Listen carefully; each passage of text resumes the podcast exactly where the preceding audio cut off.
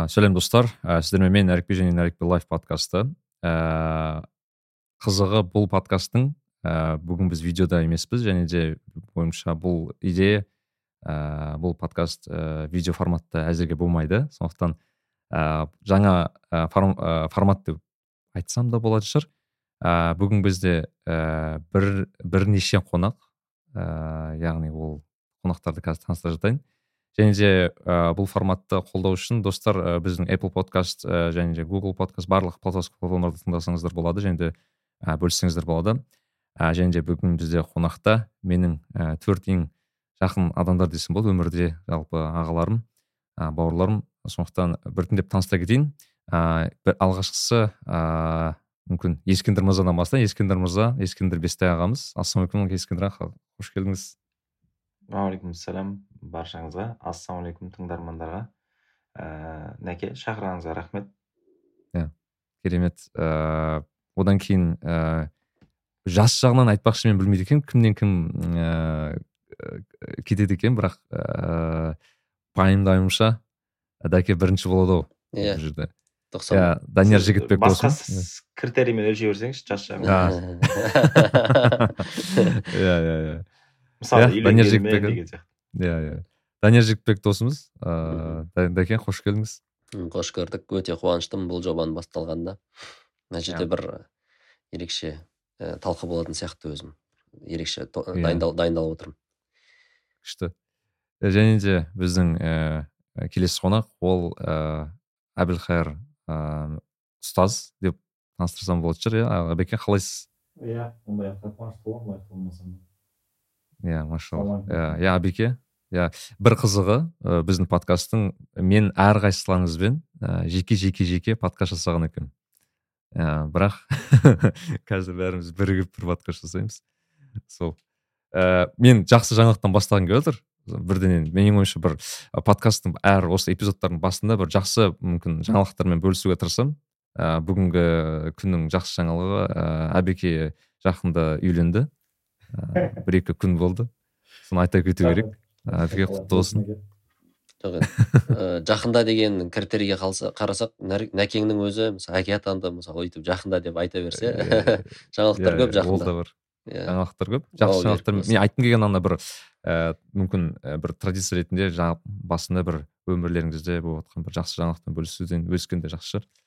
Ә, сол енді формат бойынша айта кетейін тыңдарманға. Ә, бұл формат ә, мен көптен бері ойда жүрген бір ойлардың ә, идеялардың бірі еді. Ол өйткені ә, менде бір байқағаным ә, жекеме көп тақырыптар түседі бір ә, кейде болады бір жақсы ә, шай үстінде бір әңгіме болады. Мысалы достар достармен бауырлармен бірақ кейде соны жазбай жатамыз және де осы сұрақтарға бір жауап бере алмай жатамыз. Ә, сондықтан ә, бұл формат ә, формат бойынша біз ә, бір тақырып таңдап ә, сол тақырыпта талқылап ә, ой салып дегенде сондай ә, және де осы ә, біздің сіздер тыңдармандар сол сұрақтарды да қоя аласыздар. Ә, енді біздің ә, бүгінгі тақырып ә, осы келе жатқан аптада келесі апталарда ә, қыркүйек айы келе жатыр және де қыркүйек айы ол бағанағы қала студенттерге тола болады. Ә, және де көптеген студенттер жаңа өмір бастайды. Ә, бірақ ә, білмеймін менің кезімде де ол болды. Мен менің ойымша әлі күнге дейін ол бар. Көп ә, студент ә, дұрыс мамандық таңдай алмайды. Өйткені ол мектеп кезін таңдайды. Және де студент болып жұмыс жұмыс жасауды ойлайды таңдаған университетін өзіне ұнамайды. Ә, тағы басқа. Осы тақырып білмеймін мен ойымша ең бір ә, актуалды ең өзекті тақырыптардың болатын секілді болып көрінді. Сондықтан осы ә, мамандық таңдау және де студенттік өмір университет осы тақырыптарды бүгін қозғасақ деген. Ә, бір, бірінші сұрақ мынандай. Ә, мамандық мамандық таңдау жалпы ол ә, маңызды екені сөзсіз бірақ ә, бұл жерде сұрақ мысалы мамандық таңдалды мамандық таңдағанымызбен бірақ ә, біз ә, бұл мамандықпен қалуымыз қажет пе деген сұрақ пайда болса өйткені көп мен байқаймын. Ыыы сұрақ сұрақтардың бірі маған келетін ол ііі ә, менің кезімде әсіресе ол сен мамандықты таңдадың значит сол мамандықпен ііі ә, соңына дейін жүруің керексің дегендей. Жалпы ойларыңыз қандай және сіздерге қандай ә, мамандық ауыстыру жалпы өз мамандығыңмен қалай ә, бір үйренісу деп айтамыз ба? Жеке өздеріңіздің бір ә, тәжірибеңізбен бөліссеңіздер және де сіздерге қандай ә, сұрақтар келеді осыған байланысты? Мхм. Исаға бастайсыз ба өзіңіз? Жоқ мархабат мархабат. мен қазір біздің ана ой қорытуымыз ұзақтау ғой. Маған бір ой келіп тұрған кезде бір айтып қалсам деп тұрмын. Енді нәке өте жақсы тақырыпты бастадың деп ойлаймын. Бұл жерде енді бізді тыңдап жатқан тыңдарман бәлкім мамандық таңдап қойған болуы мүмкін. Ол оқуға енді түскен болуы мүмкін. Енді ана былайша айтқанда ә, жас, ә, жасалатын шешім жасалып қойды ғой бір жағынан қарасақ. Бәлкім оқушылар он бірінші сынып оқушылары оныншы сынып оқушылары тыңдап жатқан шығар. Жалпы мен өзім мына нәрсені түсіндім. Бұл да бір шешім қабылдау тақырыбына қатысты деп ойлаймын. Ә, жалпы мынау шешім қабылдау менің ойымша ә, дұрыс абсолют шешім болмайды. Мысал келтірейін. Ә, мысалы біз таңертең сіз есік ә, шығайын деп тұрсыз. Сөйтіп ауа райына қарайсыз. Бүгін мысалы жаңбыр жауады деп тұр алматы қаласында. Сағат он екі мен үштің арасында деп тұр. Сөйтіп сіз қол шатырыңызды алып аласыз да шығасыз.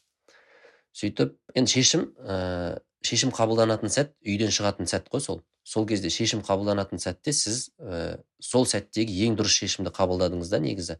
Өйткені ауа райын қарадыңыз ә, бағанағыдай уақытыңызды жоспарладыңыз дегендей. Сөйтіп шықтыңыз. Бірақ он екі мен үштің арасында жаңбыр жаумады. Сол кезде сіз егер өкінсеңіз мә мен бекер қол шатырымды алыппын алмауым керек еді десеңіз ә, ол бір жағынан дұрыс емес сияқты. Өйткені сіз ә, мынандай сіздіңше сіздің ойыңызша дұрыс шешім абсолют болу керек. Сол үшін сіз бұл жерде өкініп тұрсыз да. Ал егер ә, біз былай қарайтын болсақ мен шешім қабылдайтын кезде ең дұрыс шешімді сол сәттегі ең дұрыс шешімді қабылдасам болды жеткілікті деп қарасаңыз онда сізге ә, көп нәрсені қабылдау жеңілірек болар еді деп ойлап тұрмын. Ә, сол сияқты мынау мамандық мәселесі де.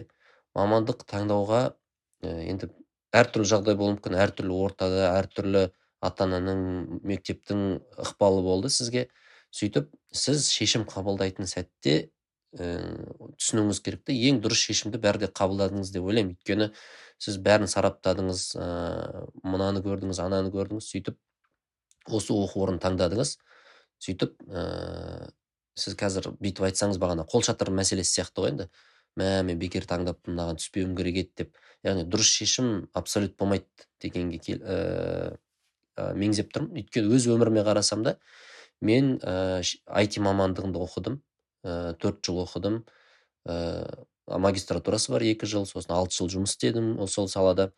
Бірақ қазір басқа мүлдем басқа саладамын отыз жасымда ойымды өзгертіп осы кітап баспа саласына кеттім. Бірақ еш өкінбеймін. айтиді таңдағаныма да қазіргі шешіміме де. Мен түсінігімде мен сол кезде ә, IT мамандығын таңдаған кезде мен үшін ең дұрыс шешім сол болды сол жасымда 18 жасымда. Сөйтіп ә, шешім ақыры таңдадым. Соны бір бітірейін оқиын.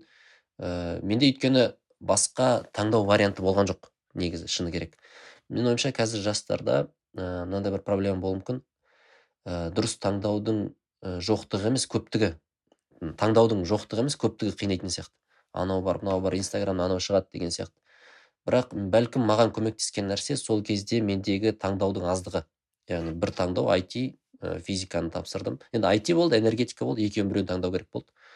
Сөйтіп ә, мен менің ойымша мен сол сәтте ең дұрыс шешім қабылдадым деп ойлаймын. Сол сәттегі білімім ортам соның ықпалымен яғни ә, егер де сіз қазір бір мамандық таңдап қойған болсаңыз бір оқу орнында оқып жатқан болсаңыз онда ә, бағанағы қолшатыр мысалын есіңізге алсаңыз болады. Яғни ең ә, дұрыс шешім ол қазіргі шешіміңіз. Енді сосын басқа бір альтернатива шешім одан күштірек болған кезде шешімді өзгертуге болатын шығар. Бірақ қазіргі шешімнен күштірек шешім болмай тұрса ә, қазіргі шешім дұрыс деп ойлаймын. Енді осы енді бір ә, маған келіп тұрған ой қазір. Бәлкім сіздер тәжірибелеріңізді осы тұрғыдан айтарсыздар. Әбекеде мысалы мен білем сондай мәселе болды иә. Әбеке сіз де басқа салада yeah. жүріп соны айта кетсеңіз солай. бәке мен сіздің негізі әріптесіңізбін алғашында. Ыыы менің де бірінші мамандығым IT программист. Ыыы асылы мен әкем программист қой. Ыыы шамамен алты жеті жасымнан бастап сол компьютерге қызыға бастадым. Баяғы windows тоқсан бестің кезінде http мен сайт жасап пейнтпен сурет салып сөйткенмен иә кейіннен барып алланың қалауымен жиырма қанша жиырма бір жасыма келген кезде барлығын тастап исламтануға кеттім. Ыыы сонымен соңғы он он бір жылым сол исламтанумен тікелей байланысты. Мхм. Сондықтан мен сізді өте жақсы түсініп тұрмын жалпы. Сол қанша неше жаста неше, неше жаста едіңіз абеке сол исламтануға бет бұрған кезде? жиырма бір жасымда. Мм кеше бір кісі жазады бір жігіт. он тоғыз жасымда он тоғыз жастамын дейді. Мен бір қалып бара жатқан сияқтымын өмірім өтіп бара жатыр үлгермей жатырмын деп жазады да. Қайда асығасыңдар деймін? Аха. Иә. үй алмадым әлі көлік алмадым. тура осы сообщениелер маған да келеді шадаке мен үнемі айтамын біріншіден бірінші мен кіммін деген нәрсені дипломға или оқу орнына или біз таңдаған мамандыққа байламай ақ қояйық деп айтамын ше. Өйткені енді бәрібір де ең әуелі сен университетке түскен кезде сен университетке түстің да қанша дегенмен де. Сен белгілі бір мамандыққа түскен жоқсың сен белгілі бір жаңағыдай өміріңнің аяғына шейін сен жүріп өтуің керек белгілі бір өмірлік кастаны таңдаған жоқсың. Бұл жай ғана бір мамандық жай ғана университет сен ол жаққа түскен. Мысалы шетелде университеттерде жаңағы оқу орнының басқаларын қарайтын болсам көбінше адам оқу орнын таңдаған кезде ең әуелі комьюнити таңдайды да яғни қай ортада жүргісі келетіндігін таңдайды да. Сосын барып ары қарата оның ішінен қосымша қандай да бір мамандық меңгеремін дейтін болса меңгеріп кете береді. Мысалға ыыы мен ең әуелі айтиді басқаны оқыдым. Нұрмараққа келдім да мысал ретінде мен исламтануды оқыдым. Оған дейін бір жастар саясаты саласында жүрдім дебат анау басқа ыыы бір уақыттар аудармада жүрдім тілдер меңгердім. Қазір қарасам барлығын түгел пайдаланып жатырмын да. Менің қазір дәл қазір атқарып жүрген жұмыстарымның ішінде бір элементтер программисттің элементтері бар бір элементтер бар жаңағыдай көпшіліктің алдында сөйлеудің элементтері бар бір элементтер бар мысал ретінде жаңағы таза исламтану эксперттік саладағы мәселелер. Сондықтан мен ойлаймын егер де сен қандай бір қазіргі уақытта сен көңіліңді бір жаққа қарата қойып сол жолмен жүріп жатқан болсаң алла сені сол, сол жаққа қарата бағыттаған болатын болса ол ақыр соңында саған бір бәрібір де пайдасын тигізетін сияқты да. сондықтан ыыы жаңағыдай бір көңіл құлазып я болмаса бір мазасызданғаннан гөрі өзің үшін шешіп алсаң болады деп айтамын. Әдетте маған мысал ретінде осылай жазады ғой. Мен бір мамандық таңдадым бірақ мамандық өзіме ұнамайтын сияқты ыыы басқа деген сияқты. Мен айтамын сен кемінде алты ай немесе екі жыл өзіңді бір салаға қарата арна тереңдеп кет сол саланың ішіне қарата сосын ары қарата таңдайсың мысалы мен енді исламтанушымын ғой бізде бұл былай болады обычно белгілі бір базаны меңгергеннен кейін барып бала өз өзін таңдайды. Ол хадистануды таңдайды ма? Жоқ әлде тағы да бір ыыы мысал ретінде фихты таңдайды ма? Жоқ әлде ол банковское делоны таңдайды ма? Исламские финансы немесе тағы да бір салалар таңдайды ма? Ол адам мысал ретінде былай былай жүре беруі мүмкін. Сол уақыт алты ай мысалға мынаған арнайды өзін қызығып жүреді кейін қызығу бас болуы мүмкін. Кейін барып келесі салаға арнайды. Бірақ соңында әр салаға қызығып қызығып қызығып жүріп белгілі бір бағыттың общий бір бағыттың маманы болып шығады менің ойымша ыыы ең жаманы ол жерде өзіңде андай бір ожидание қойып қояды анау мэг джейннің кітабында айтылады осы мәселе. Период старбакс деген бар екен да жаңағы американдық балаларда белгілі бір моментте сен өз өзімді іздеймін деп бала старбаксқа жұмысқа тұрады екен да. Просто бариста болып ше. Бізде ол нәрсе официанттық та. Официанттыққа кетіп қалады. Мысалы ретінде уақытша пока мен өз өзімді тапқанша сүйікті мамандығым кездескенше деген сияқты. Официант болып жүрген кезде мен сүйікті мамандығым энергетик деп келмейді ғой шабыт сен наоборот керісінше әртүрлі бір қызық салаларға жаңа орталарға жаңа бір курстарға басқаларға қатыса беруің керек деп айтамын да. Сен белгілі бір ә, дизайнға сәл сәл бір қызығушылық бар ма? Дизайнның курсына қатыс. Дизайнның курсына қатысқан кезде саған түсінікті болады ол нәрсе саған қызық па жоқ әлде қызық емес па? Сен официантта жүрген уақытта сен ешқашан түсіне алмайсың дизайнерлік саған қызық па жоқ па? Сондықтан макджайнның да беретін ойы осындай. Мүмкін мен де кей кезде осы маған жазған кезде кеңес беремін. Сен бір орында тұрып қалма главное әртүрлі бағыттарды көре бер егер сен өз мамандығыңа сенімсіз болатын болсаң сен мамандығыңа байланысты жаңа курстарға барып өткен кей кезде жай ғана саған сабақ беріп жатқан кісі ыыы нашар педагог болуы мүмкін ондай да кездеседі да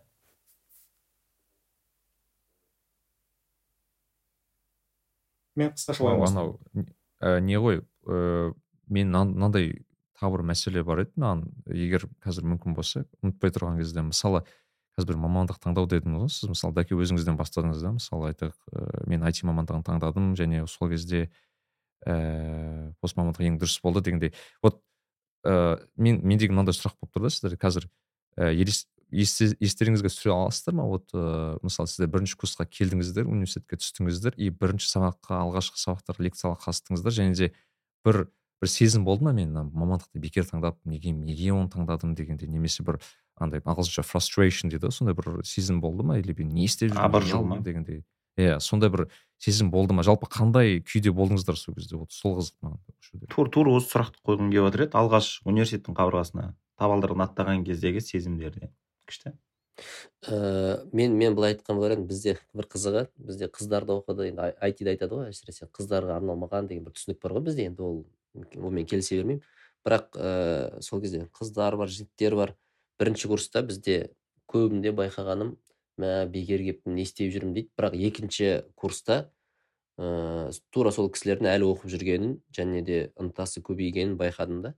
Енді мен өзімді айтатын болсам ә, менде шыны керек маған қатты көмектескен нәрсе менде таңдаудың жоқтығы деген нәрсе. Менде бір ақ таңдау болды.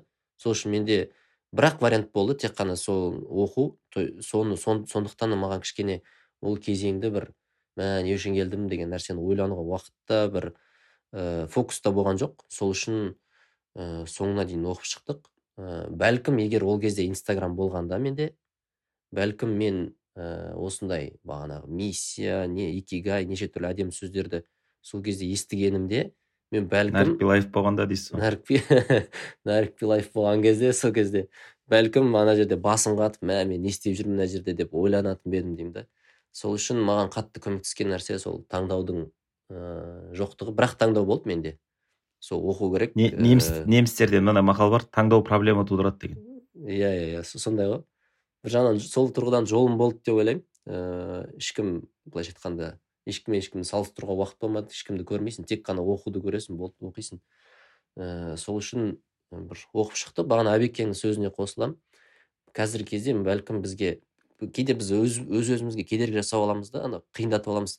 Бәлкім бізге қазіргі кезде мультимамандық деген норма деген бір түсінік қалыптастыру керек шығар. Яғни бірнеше сен ол бірнеше ә, мамандықтың қосындысы ретінде өзіңді қабылдасаң ә, кім еді? Қателеспесем чарльз дарвин ба жоқ карл лини ма? Әйтеуір анау нені классификациясын жасаған бар ғой өсімдіктердің жануарлардың жалпы. Сол кісі негізі биолог қой. Бірақ ол кісі кезінде математикамен айналысқан екен. Яғни мына екі биология мен математиканың қосындысы ретінде сондай бір уникал бір ә, маман шықты да. Сол сияқты бәлкім мысалы мен өзімді айтамын мен мысалы айти оқымағанымда бағана алгоритм деген нәрселер структура данных деген білмегенде мен қазіргідей жаза алмайтын едім негізі. Менің былайша айтқанда жазушылығымда айтидың ә, көмегі зор өте зор. Яғни мен айти оқымасам бәлкім басқа жүйесіз болатын иә жүйесіз сын есімдерді көп қолданатын бір автор болар едім да. Бірақ мен қазір барынша сын есімді аз қолданатын сан есімді көбірек қолданатын сондай кішкене жазушымыз ғой енді. Сол үшін айти оқымағандарға тиіп кетті ғой мен ше мына жерде қосқым келіп отыр. Мен дәкеге алгоритм және структура данных деген кітапты сыйлағанмын даже. Иә дайындалған интервьюларға менде сол иә бір букингке дайындалған кездер болған. Букинг нәрікбидің жанында отыратын едім қазір кім біледі. Бірақ кітап бук дегеннің қасында жүр екенсіз ғой иә иә. Букингке букингке тимесем де букқа тигізіппін ғой әйтеуір. Сол айтайын дегенім ә, сол үшін қазір таңдап қойған мамандығыңыз болса сіз мен не үшін оқимын не үшін керек па деген сияқты. Сіз былай ойлаңыз бұны мен қалай ә, өзімде ұйқастыра аламын деген сияқты. Абекең сияқты бір қос, қосқанда не болады деген қызық қой енді. Ана мен мынаны қосқанда не болады деген сияқты. Сол мен көп сөйлеп кеткен сияқтымын менде мынандай бір ой бар. Ыыы мен білемін біз өзіміздің негізі өмірімізді қиындататын сияқтымыз да. Е иә. онсыз да бұл өмірде сынақ көп. Бізсіз ақ жалпы сынақтың уақыты ғой бұл кезең. Ә, дегенмен де мынандай бір ә, енді бұл сол студенттік кезде басым жетпеген бұған. Кейін сол ағалармен сұхбаттасып менторлармен жұмыс барысында түйген зат қой. Ә, тозатын тозбайтын заттар бар сияқты да біздің өмірімізде. Мысалға білмеймін қазіргі сол біздің қолымыздағы телефонымыз жыл сайын тозады. Ә, біздің қолданатын құралдарымыз жабдықтарымыз тозады. Қарапайым қаражатымыздың өзі инфляцияға ұшырайды тозады. Ә, тура сол сияқты біздің мамандық та тозады. Бұрынғы замандағыдай біздің әке шешеміздегідей мамандық анау жаңағы жар таңдаумен мамандық таңдауда қателеспе деген мақал ма мәтел ма не бұл? Ескірді деп ойлаймын да тозды бұл. Тура сол сияқты білмеймін бізге қазір бір мамандықпен қалып қою жаңағы дәкең айтқандай бірнеше мамандықты жабу керек шығар. Негізі енді тұлғалық даму тақырыбында көп кісі айтады қазіргі тұлғаның потенциалын ашу үшін кемі бір үш мамандық керек деп. Қазіргі өзгерістің жылдамдығымен одан одан бері асып кетпесе менің ойымша бір қатты не жоқ сияқты. Ыыы мамандыққа мен жеке өзім сезімім қандай болды? мен бірінші курс бойы қалай түсіп кеттім мына мамандыққа деген қарсылықпен өмір сүрдім. Мен ешқашан мынандай бір педагог боламын деп ойламағанмын бұл жол білмеймін ә, ең жек көретін адамдарым да педагогтар етін ә, мен бірінші курс бойы жоспарым мынандай болды ауысып кету. Журналистикаға болсын ауысып кету қандай амал тәсілдері бар басқа мамандыққа ауысып кету деген тіпті құжатымды алып кету деген затты қарап жүрдім. Екінші курста бізде педагогиканың курсы басталды. Шолпан әбілқызы деген кісі берді. Сол кісінің бірінші сабағынан ойым 180 градусқа өзгеріп кетті ғой. Осы жерде өзіме мынандай бір енді шығарған заттарды мамандықты сүйе алу деген бір қабілет бар. Бұл бір есейгендіктің белгісі деп санаймын. Және ол ә, бір сол ұстазды кезіктірумен болатын сияқты. Яғни сізді сол мамандыққа сүйсіндіре алатын сол мамандыққа ғашық қыла алатын. Мысалы дәл сол шолпан апай маған мысалы педагогиканы жақсы көруге бірден бір себепші болған кісі. Мен екінші курстан бастап кәдімгі бізде ана мойнымызға малдарға таңба таққан сияқты педагогика деген бейджик тағып қоятын. Сол педагогиканы ұялмай сол бейджикті қысылмай тағып жүрген кезім сол сол, сол сабақтан кейін болды да. Ә, және мынаны мойындау керек сияқты біз мен университет мен жалпы университетке баруды қатты құптамаймын бірақ ақыры университетке түскен болатын болса біз не үшін түскенімізді ұмытпайық. Ә, неғұрлым соны ертерек мойындаймыз соғұрлым жақсырақ сияқты. Ә, ата анамыз ұялмай тойға бара алу үшін ғой негізі. Сол сол кісілердің разылығы үшін түскеннен кейін ақыры сол мүмкіндікті барынша пайдаланып қалып осы төрт жылда мен қандай қабілеттерді игере аламын осы төрт жылда мен өзімнің тұлғалық дамуыма мүмкін кейінгі мамандықты игеруіме қандай бір іргетас қалай аламын деген сияқты сондай бір проактивті позицияда болған дұрыс сияқты. Өйткені қалай болғанда да бұның бәрі бекер емес қой. Ертең бір жемісі болады да. Иә. Ол өте қызықты нәрсе ше университеттің мәселесі. Алдында да менен бір қайта қайта бір кісілер сұрап жүрді да университетке түскен дұрыс па? Жоқ әлде түспей ақ қояйын ба? Оның орнына жаңағыдай бір қосымша курстар оқып алсам қалай болады деп ше? мен айтамын өте жақсы мүмкіндік қой. Төрт жыл бойы мемлекет саған өте арзан баспана беріп отырады. Үлкен қалаға көшуге мүмкіндігің пайда болады. Қосымша тағы жүріп тұруыңа кішігірім ақша беріп тұрады. Бір жаңа орта тауып береді саған. Сен ортаның ішінен мүмкін ертеңгі болашақта аким болатын бір кісімен кездесесің ба? Жоқ әлде университеттің ішінде жүріп сен болашақта саған бір ментор болатын бір кісіні кездестіресің ба? жақсы бір мүмкіндік қой деп ше. Сол жаққа қарай түс. Более менее бір бағытты шамамен түсінсең сол бағытқа қарата бар. Әрі қарата сосын сол ішінде қосымша дами бересің оқи бересің курстарын дейсің басқа нәрсені өйткені одан басқа. Сен ешқандай университетке түспестен үлкен қалаға көшіп барып өмір сүріп кету деген оңай емес ол кәдімгідей. Оның үстіне мейлі қандай болсын әйтеуір мамандық оқыған адам бәрібір көрініп тұрады ше. Университет оқыған адам бәрібір де көрініп тұрады. Университет оқымаған адам да кей кезде көрініп тұрады. Бір ескендір аға жақсы бір мәселенің басын қозғап кетті. Менторлық менің ойымша өте маңызды. Және екіншіден софт скиллз маңызды сияқты. Мынау жаңағыдай қосымша қабілеттер бар ғой адамның бойында дамытатын. Өйткені менің ұғымымда университеттің ең үлкен дамытатын қасиеттерінің бірі ол обучаемость. Адамның жаңағы бір нәрсені үйренуі қабілеті. Қазір енді шыны керек бізге ең маңызды қабілеттердің бірі сол ше. Өйткені саған жұмыс барысын сен білмейсің алдағы уақытта саған не керек болатындығы. Мысалға мен исламтанушымын. Ұстазбын там жаңағыдай шариғат исламдағы финанс бойынша жеке финанс бойынша сабақ беріп жүрмін бірақ менің жұмысымның қырық пайызы искусственный интеллектке байланысты. Онымен жұмыс жасау оны бағыттай алу оны қолдану ә, тағы да басқа деген сияқты. Искусственный интеллектпен айналысамын деген мен мүлдем мысалы исламтанушыға тікелей қатысы жоқ деп ойлайсың ғой. Дегенмен де мысалы маған соны үйренуге тура келіп жатыр да. Ал алла біледі алдағы уақытта маған тағы да қосымша нені үйренуге тура келетіндігін. Мысалы мен ағылшын тілінен өте қатты көп пайда алдым ана оксфорд кісілердің алдына отырып сабақ алып кеттік аяқ астынан.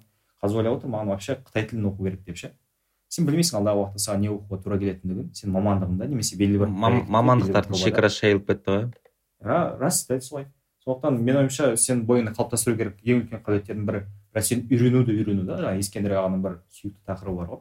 Осы тақырып мысалы ретінде менің ойымша университеттің аясында бір қалыптастырылып өзіңе бір орта создавать етіп жаңағы нетворкingді кеңейтіп осы бағытқа қарата жүруге талпыну керек сияқты. Ол дұрыс емес сияқты бір. Мен мамандығым мен именно сол факультетте сол жаңағы кафедрада оқымасам болды деген сияқты. Оқуым керек әйтпесе болмайды деген сияқты. Мен шыны керек бір өзім кездестірген мамандардың ішіндегі бір эксперттер болады ғой шынымен сыйлайтын.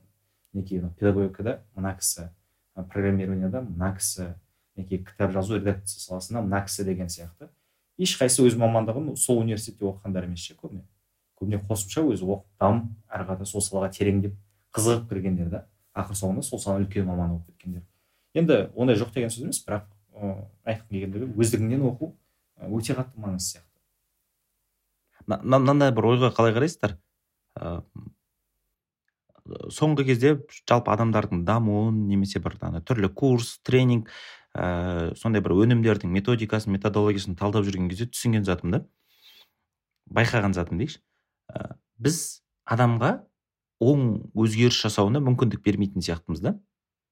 Біз өз ортамызда қандай орта болмасын адамның өзгеруіне жағдай бермейміз ғой. Мысалы мынандай бір қарапайым дүние мысалы бір бала бар оның бір мектепте образы қалыптасты да ол бұзық бала ол сабақ оқымайтын бала деген. Сөйтіп күндердің күнінде ол бір білмеймін саналылығы оянып па біреу себеп беріп па түсіне аян кіріп па сабақ оқи бастайтын болса сол бірінші кезекте сол сыныптастарының өзі оған күлуі мүмкін оның аяғынан тартуы мүмкін сөйтіп оны қайтадан ана ескі соқпақ жолына тартып алып кетеді да. Яғни біз мектепте жүргенде бізде бір білмеймін бәрібір бір образ қалыптасатын сияқты енді менің жеке ойым ғой. Ә, неге бұны айтып жатырмын өйткені жеке менде тәжірибеде тура осы болды. Мен мысалы мектепте оқыған кезде мен сыныптастарым мен білмеймін куә болатын шығар. Мен өте бір тұйық едім. Мені ешкім бүйтіп халықтың алдына шығып сөйлейді деп ешқашан ешкім ойламаған. Мен кәдімгі технарь болу керек адам едім ғой. Таңдаған пәнім физика сол астрофизикаға қызығамын ә, әл фараби университетінде сол физфакқа барамын деп жүрген адаммын да. Мына жақтан гуманитарийдан бірақ шықтық қой ұбт кесірінен себебінен. Айт, айтқым келіп жатқан мынау да университетке түскен кезде бір бірінші курстың басында бір мынандай бір сәт болды да бүйтіп басымда жаңа шам жанғанша бір идея келді ғой былайша айтқан кезде. Мына жақта мені ешкім танымайды ғой деген сондай бір жаңалық аштым өз өзіме. Яғни сен жаңа образ құрастыра аласың өзіңе. Яғни сен өзің жаңа бола аласың да білмеймін адамдармен сөйлесуде болсын сабақ оқуда болсын и мен көп байқайтын сол бір мектеп пен университеттің арасында адамдарға сол бір қанатын жаюға бір сондай бір күшті сәт сияқты жаңа өзіңді қалыптастыруға жаңа өзіңді құруға. Бірақ бұл кезде ә, сыныптастармен араласуға қорқып жүресің. Енді жеке қайтадан өзімнің тәжірибемде болған зат. Өйткені жаңа ескендірді оларға көрсеткім келмейтін да олар қайтадан күлетін сияқты. Анау бір бұғанасы қатып алып бүйтіп бір екінші курсқа барған кезде ғана ма? Бірақ көрсеттім ғой. Сондай бір енді мамандық тұрғысынан емес андай бір ішкі өзгеріс тұрғысынан да университеттің кезеңі сондай бір күшті кез сияқты көрінеді де өзіме. Иә бұл бар нәрсе. Адам бір ашылады дейді ғой. Ә, мысалы танымай қаласың ғой. Басқа басқа қырынан ашыла бастайды шынымен мына сөзді жақсы өте сәтті айттыңыз да. Жаңа өзіңді құрастыруға болады деген. Шынымен де тұйық адам ашық болып кетеді. Ашық адам ғашық болып кетеді деген сияқты ғой енді әртүрлі. Жаңа әбекең айтқандай үлкен қалаға келсең де мысалы ата анаңнан да алшақтадың ғой бұрынғы ортадан алшақтадың. Бүкіл солардың ана тұтқындарынан білмеймін солардың кісендерінен шыққан бір кез сияқты да. Жалпы мына университет деген нәрсені ә, былай айтсақ та болатын шығар саған қалада төрт жыл қалада жаңа ортада бола тұруға мүмкіндік беретін жер деп айтуға болатын шығар. Өйткені ә, басқа қандай мүмкіндік болуы мүмкін шынымен де? Сол үшін сол бір ә, беретін университеттің беретін мүмкіндіктерін көбірек пайдалану керек сияқты бір өзіңді. Иә. бағанағыдай бір бір факультетке бір мамандыққа байламай. Бізде сондай нәрсе бар өз өзімізді өзіміз байлап тастайды екенбіз. Бірақ ә, кеңірек қарайтын болсаң шынымен де бағанағыдай белгілі бір адамдармен араласуға белгілі ортада жүруге белгілі бір нәрселерді үйренуге бір мүмкіндік ашып тұрған жер ғой негізі. Соны толық пайдалану керек және бағанағыдай мынаны бір зат қозғап салсам болады ма мен ойлаймын да мысалы нәрікбек мырзаға мына подкаст көп кісімен танысуға бір себепші болды да. Бізде кейде бір осындай бір өнім ба бір шара ма керек сияқты адамдармен танысуға себепші болатын. Жеке маған мысалға иә қоғамдық лекция сондай жоба болды. Қоғамдық лекцияның себебімен мен біраз кісімен таныстым да көп сарапшылармен көп мамандармен. Бірақ ол университеттен кейінгі кезеңде болды енді. Ә, тура сол сияқты ана илон маск кезінде мынандай бір ә, мақала сияқты жазатын болған екен журналға өздерінің газеттеріне. Бірақ ол андай өтірік жоба етін дейді да. Біз сондай осындай мақала жазамыз деп адамдармен танысу үшін ғана жазатынбыз дейді ананы. Шын мақсатымыз ана жерде жаңа адамдармен байланыс орнату сөйтіп кейін содан таныстық та жаза салатын сол университет осы бір кезеңде сондай бір жобамен айналысу керек шығар. Мүмкін адамдармен таныстығын бір байланысын әлеуметтік қарым қатынасын нығайтатын. Машалла өте керемет керемет ой тастап жатсыз ескендір аға ә, менде бір ә, қызық ә, ой болған. Жақында ғана бір піспеген ой. Әлде де әзірге көңілімде айналып жүрген бір ой. Ә, байқағаным енді мен бір кітапқа өзімді қызықтыру сол салаға жаңағыдай бір көбірек оқуға қызықтыру мәселесі қатты кейінірек көп ойлап жүрдім да. Сондағы бір қызық пайда болған ой егер де мен анау жаңағы исламский финанс енді қазіргі бағытым сол бағытта көбірек оқимын дейтін болсам сол бағытта бір нәрсе жазуым керек екен да. Яғни бір мақала болсын кішігірім бір курс болсын басқа болсын. Мен сол жаңағыдай кітап немесе курс жазып жатсам сол бағытта қатты соған қызығып оқиды екенмін да. Белгілі бір мен үшін іштей бір педагогикалық проблема пайда болады да. Өйткені қараймын жігіттерге бауырларға шынымен де бір он он он бір он екі кітап жазып тастаған жігіттер бар да. И олар да тура сондай мысалы ретінде бір кітап бір бағыт алған. Кішігірім бір күнделікті өзі қызығып жүрген немесе бір бағытты алған да. И сол бағытта кітап жаза бастаған pdf кітап. И pdf кітап жазып отырып пәленбай жаңағыдай жиырма отыз кітапты ақтап тастаған. Жиырма отыз кітапты именно жаңағы проблемаға байланысты не айтылғандығын ыыы аударып жазып жинақтап сосын бір кітап шығарып сатқан да. Әрі қарата анау саладан кәдімгідей жақсы бір хабары бар ше.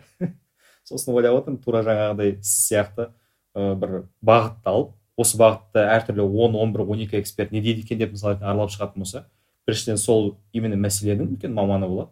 Екіншіден сол мәселедегі кез келген мәселе бойынша таныстықтары бар болады да. Өте керемет ой екен кәдімгідей. Мен жандырып отыр мына ой мен бар ғой мысалы бағанағы сұраққа қайта келсек мысалы мен ыыы университетке түстім бағанағы сезім бар не істеп жүрмін тағы басқа. Мысалы ііі білмеймін сіз танымайсыздар ма әмірхан омаров деген бір біздің кәсіпкер ағамыз бар. Ііі қазір өте үлкен түрлі түрлі бизнестер жасайды. Ііі енді кәсіпкерлік орта ол кісіні жақсы таниды ол кісінің бір ерекшелігі маған ұнаған ол кісі университет кезінде бағанағы сүлеймен демирел университетінде оқыған. Ә, бірақ айтады да мен университетте мүлдем сабақ қызық қызық емес болатын дейді өзіме. Сол бағанағы біздің проблема еді да. Яғни оқимын маған мен түсінемін ол қызық емес. И ол ол ол кісінің ерекшелігі сияқты ол. Жалпы ол иә. кісінің емес сол. Иә. таптың ерекшелігі сияқты. Иә сол сол мектептен келген кісілердің ешқайсысы университет менсінбейді қазақстандағы университет. Иә мүмкін. И ол кісінің маған ұнаған жері ол кісі тек қана стажировка өткен екен да. Яғни қателеспесем бір оннан он он бес стажировка өте берген ғой. Яғни стажировка деген қалай жұмысқа тұра берген просто барғанда айтады мына жаққа жұмысқа тұрамын мына жаққа барып жұмысқа тұрамын и сол арқылы бағанағы керек ә, дағдылар сол, сол сол жақтан алып алған да енді университетте айтады үшке болсын төртке болсын былай жабамын дейді да енді ол жерде бір бармын деген бір не қалдыратын а так тек қана сол бағанағы жұмыспен ну жұмыспен түрлі түрлі өзіме и бастысы ең бастысы маған қызық қана жұмыстар жасайтын дейді да маған мысалы айтатын ә, бір бизнесмен ағам мына жер ұнайды соған барамын жұмыс істеймін немесе мына мына бір мынандай қызық оны жасайын дегендей. Ол бір екінші мысал мысалы менде бір элисар деген тағы бір дос бала бар. Ол енді бірақ америкада оқыған бірақ қызық мысал ол жігіт мысалы университетке түскен өзі бірақ ә, енді ол жақта бір біз қазақстанда қазақстандағыдай емес ол ана мейджор майнер деп бөлінеді ғой. Яғни ол жерде американдық системаның бір ерекшелігі ол ол жерде сен мысалы бізде қазақстанда мысалы втипо түстің ба сен? Яғни сен втипо бітіресің да негізі мамандығыңды. Американдық система ондай емес. Ол жақта мейджор бар яғни компьютер сайенс мейджор ол жалпы дабл дабл мейджор бола беруі мүмкін. Иә ол былайша айтқанда сен IT компьютерлік мамандықтардың бір маманысың. Дәл сен қай мамандысың айтпайды да ол жерде яғни сондай қызық ыыы ерекшелік бар. Және де екінші майнер алсаң болады мысалы экономика деген ол жігіттің қызығы ол бала түскен айтады есіне емес қандай мамандыққа түскен мысалы там экономикаға түсті. Мен түстім дейді мен менікі емес. Ол тұрады да ол жақта ауыстыра беруге болады екен да. И ол тұрады да жоқ мен короче там мынаған барамын в общем ауыстырған ауыстырған ауыстырған. Қателеспесем он екі мамандық ауыстырған. Төрт жылда. Ә, мен айтамын сен енді тым көп емес пе? Жоқ қызық болады дейді мысалы мен ол мысалы айтайық экономика финанстан бастап актерлік мамандыққа дейін ауысқан ғой. Соған настолько үлкен болған да несі? Ә, бағанағы ауыстырған мамандықтардың саны. Бірақ соңында айти мамандығы өткен ана бірақ он екі мамандық ішінде айти мамандық болмаған да тіпті ыыы ең қызығы сол да. Яғни оны айтатыны бірақ ә, университет дейді маған сол ә, бағанағы ә, үйрену қабілетін үйретті адаптацияны үйретті дейді да маған мен өйткені мамандық ауысқан сайын ә, контекст ауыса беретін дейді да мен барам жаңа зат барам жаңа зат. И барған сайын ол ә, мен ә, былайша айтқанда түсіп ә, ол маған қызық емес екенін де түсіне алуым керексің ғой сен былайша айтқанда. Ол да үлкен мәселе да өйткені сен ә, мысалы айтайық бір кітапты оқып жатрсың сен түсінесің иә саған оқу керек. бірақ сен өзің қинап жатрсың ол бала былай айтады да мен қараймын оқимын маған қызық емес мына мен ауыстырамын деген сияқты. Яғни сол ол сұрақты қоя алған да былайша айтқанда өзіне ііі менің ойымша ол да маңызды. Бір бір бір не біз осы жалпы қазақстан университетке ең көп түсетін адамдардың қатарындамыз елдің қатарындамыз білесіздер ғой?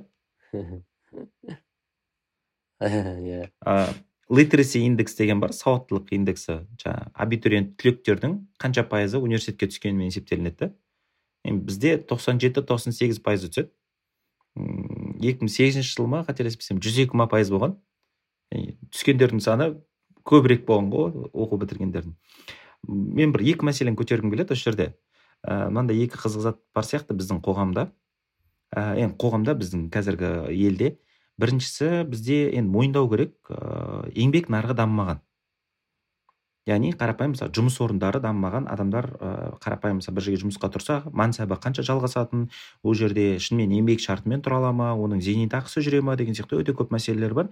Неге ол дамымаған? Өйткені кәсіпорындар тұрақты емес үш жыл сайын жабылып қала береді ол өз алдына бөлек әңгіме бірақ осы еңбек нарығы дамымағаннан кейін де бізде жастар үшін ең күшті сценарий оқи беру ғой. Сен бакалаврға барасың бакалаврдан кейін магистратураға барасың магистратурадан phd ға барасың бізде қазір не көп ғалым көп та бізде. Өйткені одан басқа сценарий жоқ одан басқа ұтымды сценарий жоқ. Енді бұл жерде бұл бір жағынан өзіңнен жауапкершілік алып тастауға мемлекетті осындай әлеуметтік статус үшін кінәлауға күшті бір позиция. Бірақ екінші жағынан бізде бір қазақ қоғамында орынсыз амбиция бар сияқты. Андай бір ыыы білмеймін түсініксіз негізсіз амбиция десе де болатын шығар. Андай бір әр үйде екінші президент өсіп жатыр ғой. Енді қазір үшінші президент. Әркім өзінің баласын тәрбиелеген кезде бүйтіп андай бір президент тәрбиелеп жатқандай ше бір басқа бір мамандық жоқ басқа бір позиция жоқ. Қайтадан өзім өткен жол ғой соны айтып жатырмын ыыы алматыда бір мектеп бар. Әл фарабиден жоғары орналасқан мектеп. Ә, негізінен ана мектептің бір ерекшелігі ә, біздің алматының жаңағы ұбт бойынша рейтинг қой енді жүргізетін. Солда ең соңында ғой анау ана мектептің ұбт көрсеткіштері ең нашар. Неге? Өйткені шамамен тоғызыншы оныншы сыныпта балалар жұмыс істеп кетеді. Ешкім ұбт туралы ойланбайды ана мектепте. Енді ана ана мектептің директорында былайша айтқан кезде шынымен білім беруден басқа ештеңе қалмаған ғой. Ол ұбт мен жарыспайды ұбт ға алаңдамайды өйткені балалардың бәрі бірден жұмысқа кіріп кетеді. Егер еңбекақымен салыстыратын болсақ ол мектеп біразын озып кетеді ау.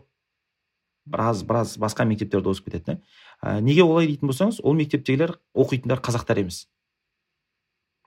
Бірден бір себебі да олардың бір ерекшелігі білмеймін мысалы бізде оңтүстікте де бар ондай мектептер. Аналар бір тоғызыншы оныншы сыныптан бір базардағы бір жұмыс болса да бір содан тартынбай бір кірісіп кететін сияқты. Біз мына жерде бір креслоны аңсап жүреміз да білмеймін бір мүмкін болашақтың болашақ сол амбицияны тек қоздыратын сияқты да білмеймін енді ол. Қазір бір біздің жалпы анау ішкі амбициямыздың бар екендігі біздің ішкі проблемамыз. Еңбек нарығының дамығандығы сыртқы проблема сонымен осы екеуі қосылған кезде университетке барып тап болатын сияқтымыз. Мхм. Осы жерде бір бір басқа бір осы тақырыптан бір келесі тақырыпқа ауысуға болатын сияқты яғни университетте қазір бізді тек қана университетке түскен ә, студенттер талапкерлер ғана емес ә, yeah. университетке түсе алмай қалғандарды тыңдап отыру мүмкін. Және мен байқауымша ондай адамдардың саны ә, артып келе жатқан сияқты. Яғни университетке біз енді біздің бәлкім бағана екі мың сегіз деп ғой. Университет түсу керек бағана сіз айтып жатқан амбициялар азайып келе жатқан сияқты. Мен, мен жеке өзім бақылауым. Яғни университетте ә, түсу міндетті емес ана гап е деген сияқты сондай алуға болады деген сияқты. Сондай жастар зумерлер қазір соларда байқалады сондай нәрсе яғни егер оныншы он бірінші сыныптар тыңдап жатса ма? иә тыңдап отыруы мүмкін. Жоқ жалпы он бірінші сыныпты бітіріп бірақ биыл қанша деді өткен тоқсан төрт мың адам бітірді жетпіс сегіз мың адам түсті деді ғой грантқа. Иә өзі берілген грант сол ғой. Иә берілген грант сол кезде анау. Екі бір жарым бір жарым адам ғой сонда. Бір орынға бір жарым адам таласады. Биыл грант көп беріліп кетті ма білмеймін. әйтеуір андай. Жоқ жыл сайын сол шамамен сол ма сол ма иә. Жыл сайын яғни ә, оқуға түсе алмай қалғандар бар немесе өз еркімен түспеймін деп шешім қабылдаған адамдарға да қатысты біраз нәрсе айтуға болады деп ойлаймын. Яғни олар да бір қателескен адамдар емес негізі. Егер қоғам сондай бір ойды таңып жатса оларға ә, бағанағы университет деп жатырмыз. Солар туралы сөйлессек деп тұрмын да енді. Яғни университетте оқу қазіргі кезде біз енді бағана мына жағын айттық қой жақсы жақтарын. Иә. Қол, қолдаған сияқты болып қалмайық та мысалы тек қана бір бағытты яғни университетте қазіргі кезде оқу шарт па шарт емес па қашан оқу керек? Біз менің ойымша бағанағыдай бір бұрын мынандай тенденция байқалатын. Қазір де бар шығар ә, бір нәрседен қалып бара жатырмын деген бір студенттер бағана тез тез ә, оқу бітіре сап университетке тез тез түсіп тез тез үйленіп әйтеуір ана галочкалар қойып тастап білмеймін қайда асығып бара жатқанын. Енді біз де асықтық қой негізі.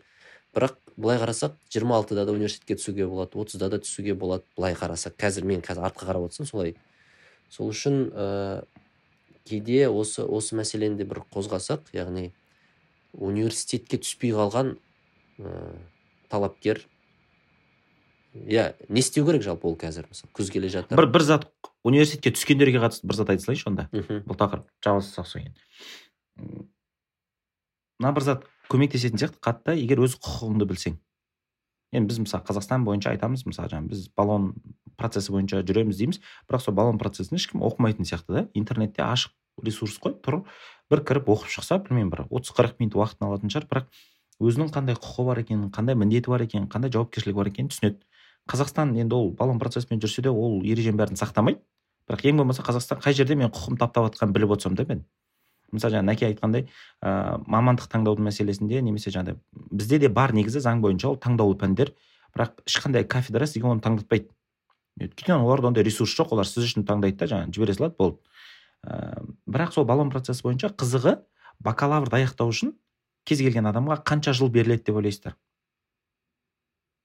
Төрт жылдан көп шығар. Өйткені біздікі өте асығыс қой. Бір неге? Он жыл ғой? Он жыл.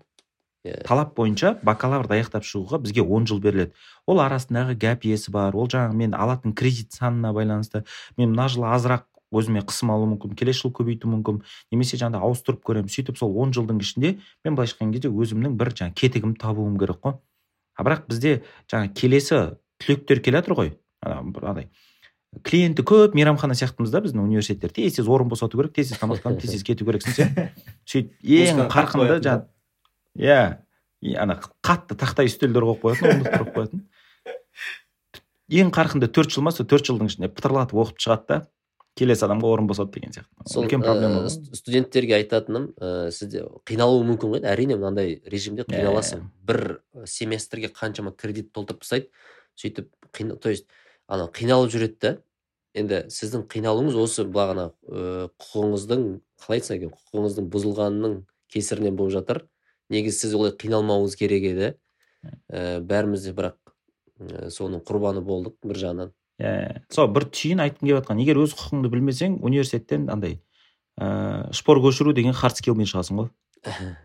Иә иә сол. Жақсы. Бұл жерде андай ә, мен мысалы мынау біздің ә, данияр екеуміздің ортақ досымыз бар мағжан деген. Жігіт ыыы мағжан ыыы гуглдағы ма? сіз жоқ неде малайзияда. малайзияда жұмыс істейді. Ыыы мағжан қазір ғалым. Ә, сол машин learning бағанағы ai бойынша. Бірақ қызығы ә, мағжан ә, малайзияға түске түсті да. И былайша айтқанда қателеспесем төрт жылдық оқуын үш жылда ма бітірді да. Ә, ол жігіт андай кредит ала берген да керісінше. Бағанағы босаңсудың орнына ол керісінше қоса берген да. Сол кезде жаңағы өзі айтады да анау малайзиялық профессорлар таң қалады дейді да маған келіп. Яғни сен не істеп отырсың сен неге оны жасап отырсың деп түсінбейді дейді да. Мен айтамын жоқ маған тезірек бітіру керек десем не үшін? деп прям таң қалады дейді да сен не үшін сонша тез бітіргің келеді? Жоқ мен оқи аламын и бір семестрда мысалы айтайық бір әдетте үш төрт ғана не алатын болса ыыы сабақ алатын болса мен там жеті сегіз он он ала беретінмін дейді да. Соны малайзиялықтардың таң қалғаным есіме түсіп отыр да сол бір зат айтайын ба? Мхм. Айтып қойдыңыз адам ұнамайтын ұнамайтын затпен айналысқан кезде екі зат айтайын адам ұнамайтын затпен айналысқан кезде тез айналысатын сияқты ше? Білмеймін бір тезірек дәмсіз тамақ дәмсіз тамақ жеп жатсаң тезірек жеп тастағың келеді ғой ана болса ше. Сол сияқты ғой иә. Дәмді болса керісінше созғың келеді иә? Иә иә иә. Жақсы онда бір университет тақырыбын жапсақ болады бағанағы. Иә. Мен бар ғой бағанағы сіз бастадыңыз ғой мына университет қажет пе деген ә, неге тақырыпқа оралсақ мен мысалы бір ә, жігітпен таныспын да ол бала ә, енді қысқаша контекст берсем жан деген жігіт есімі жан. Ол ыыы қазақстан жігіті ә, жасы қателеспесем жиырма бір жиырма екіде. Ііі қазіргі күні гуглда жұмыс істейді ыыы мюнхен қаласында өте жақсы позицияда ә, универге түспеген. Универсіз жұмыс істеп жатыр универсіз жұмыс яғни университетті бітіріп бірден ә, гуглға жұмысқа тұрған жігіт та. Ыыы және де ол жігіттің историясы былайша айтқанда мектепті бітіріп иә мектепті мектептік мектептегі білген ал, ә, алған біліммен гуглға жұмысқа тұрған қосымша ізденген ғой бәрі де? Бәрі де ол енді олимпиадамен қатысып тағы басқа бірақ айтқым келгені сол білімі жеткілікті болған ыыы былайша айтқанда гуглға жұмысқа алуға. Және де мен ол кейстерді өз жұмысымда да көремін да мысалы айтайық кейбір жігіттер айтады мен жұмысқа тұрып кейін университетке түскенмін дегендей ыыы сондай да кейстер болды. Яғни расымен де ә, ол кейстер көбейіп жатқанын байқадым. Мысалы бізде ә, енді менің бір байқағаным ол көбіне бағанағы өте мықты академиялық базасы бар жігіттер солай жасаған. Мысалы бағанағы жан болсын ол ана бағанағы кезінде ну мектеп кезінен бастап олимпиадалармен қатысып қатысып қатысып бүкіл анау университетте үйрететін хард скиллдардың бәрін ә, ә, мектеп кезінде үйреніп алды да. Менде сондай болды да мысалы дәке мысалы дәке есіңде болса сіз мысалы программирование туралы мүлдем ешқандай ақпарат білмедіңіз иә университетке түскен кезде? Иә иә білмедім. Мысалы иә менде ондай болмады да. Мен өйткені түскен кезде бар былайша айтқанда бір сексен пайызға программирование білгенмін да. Ә, маған университет үстіндегі жиырма пайызын ғана үйретті негізі. Ә, бағанағы. Менде андай ба, менде басқаша проблема басталды да университетте. Мен ішім пыса бастады университеттің кезінде. Өйткені жоқ шынымен мен мысалы түсем ә, және де мұғалімдер бәрі мені таниды. Өйткені мұғалімдерді мен мектеп басынан танимын да. Яғни мектеп кезінде атым шыққан еді да олимпиадаларда. И олар да мені таниды мен оларды танимын. И олар мені сабақта көретін да маған күліп айтады сен бара берші дейтін. Иә өйткені сен мына сабақты білесің онсыз да дейді сен не үйренесің мына жақта дегендей. Барда сол кезде маған мені өзгерткен адам кісілердің бірі ол мақсат мақсат маратович деген бір ағайымыз дәкеге де сабақ берген ол кісі. Мен маған бір күні коридорда тұрды да мені көрді да не істеп жүрсің деп сұрақ қойды да. Ә, мен айттым мен жүрмін деді сабақ оқып жүрмін дедім да. Сен тұрып маған қарап сен не сабақ оқисың? деді да сен мына түріңмен деді да. Ну ештеңке үйреніп жатқан жоқсың ғой сен дейді да негізі. Мен енді үндемедім сол кезде айтты бар да жұмысқа тұр деді. Ыыы мұғалімім айтып тұр да мен айттым сабақшы десем сабақта бір нәрсесін қатырасың сабақ жұмысқа тұр деді бар. Ә, сен өйткені мына түріңмен адам болмайсың деді да. Бірақ шынымен сол кісі бұл жерде бір сол сөзі маған қатты әсер етті бір маңызды мен бардым да жұмысқа тұрып кеттім. маңызды ремарка IT IT саласы бұл. Қазір медикке айтып IT саласы медикке айтсаң қауіпті ғой олай. Иә иә. Педагог иә контекстті түсіну керек. Иә бұл жерде мәселе менде сондай болып қалды да. Яғни ол мұғалім өзі түсініп отыр да. Яғни бұның қажет емес ақпарат бар яғни айтқым келгені менде көбінесе мысалы менің мектебімді бітірген бағана физмат бітірген балалар ктл бітірген балалардың проблемасы бар ондай. Университетке түседі алғашқы бір екі жыл мүлдем сабақ оқымайсың. Ыыы өйткені бүкіл мынаның бәрін оқып қойғансың да и, и бағанағы көбіне балалар бірінші әсіресе курстар оқудан шығып кететін бір қызық статистика бар. Именно сол сол мектептің балалары бірінші курста шығып кетеді оқудан. Неге? Өйткені оқымай қалады мүлдем оқымай кетеді. Бұл бағанағы мәселемен тығыз байланысты сияқты. Мысалға жаңағы грантты жаппай беру бір орынға бәсекенің бір жарым болуы деген сияқты ойлаңызшы енді университетке кім түсіп жатыр? Енді ешкім ренжімесін. Мен бәсекеге қабілетті емес кісі түсіп жатыр ғой. Көштің жылдамдығы соңғы түйе ол жерде оқытушыларды айыптауға болмайды да университет не істей алады ғой? Ана ана ана кісіге қарай барынша бейімделеді. Енді оқу динамикасы соған қарай жүреді. А керісінше алдыда жүрген кісілерге ол дым қызық болады да оның бәрі.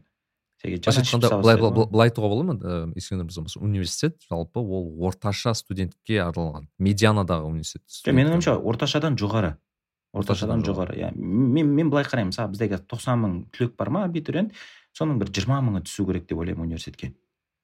Бір қызық оқиға айтып берейінші біздің бір танысымыз рейдингқа түсті. Ұлыбританиядағы жақсы университеттердің бірі.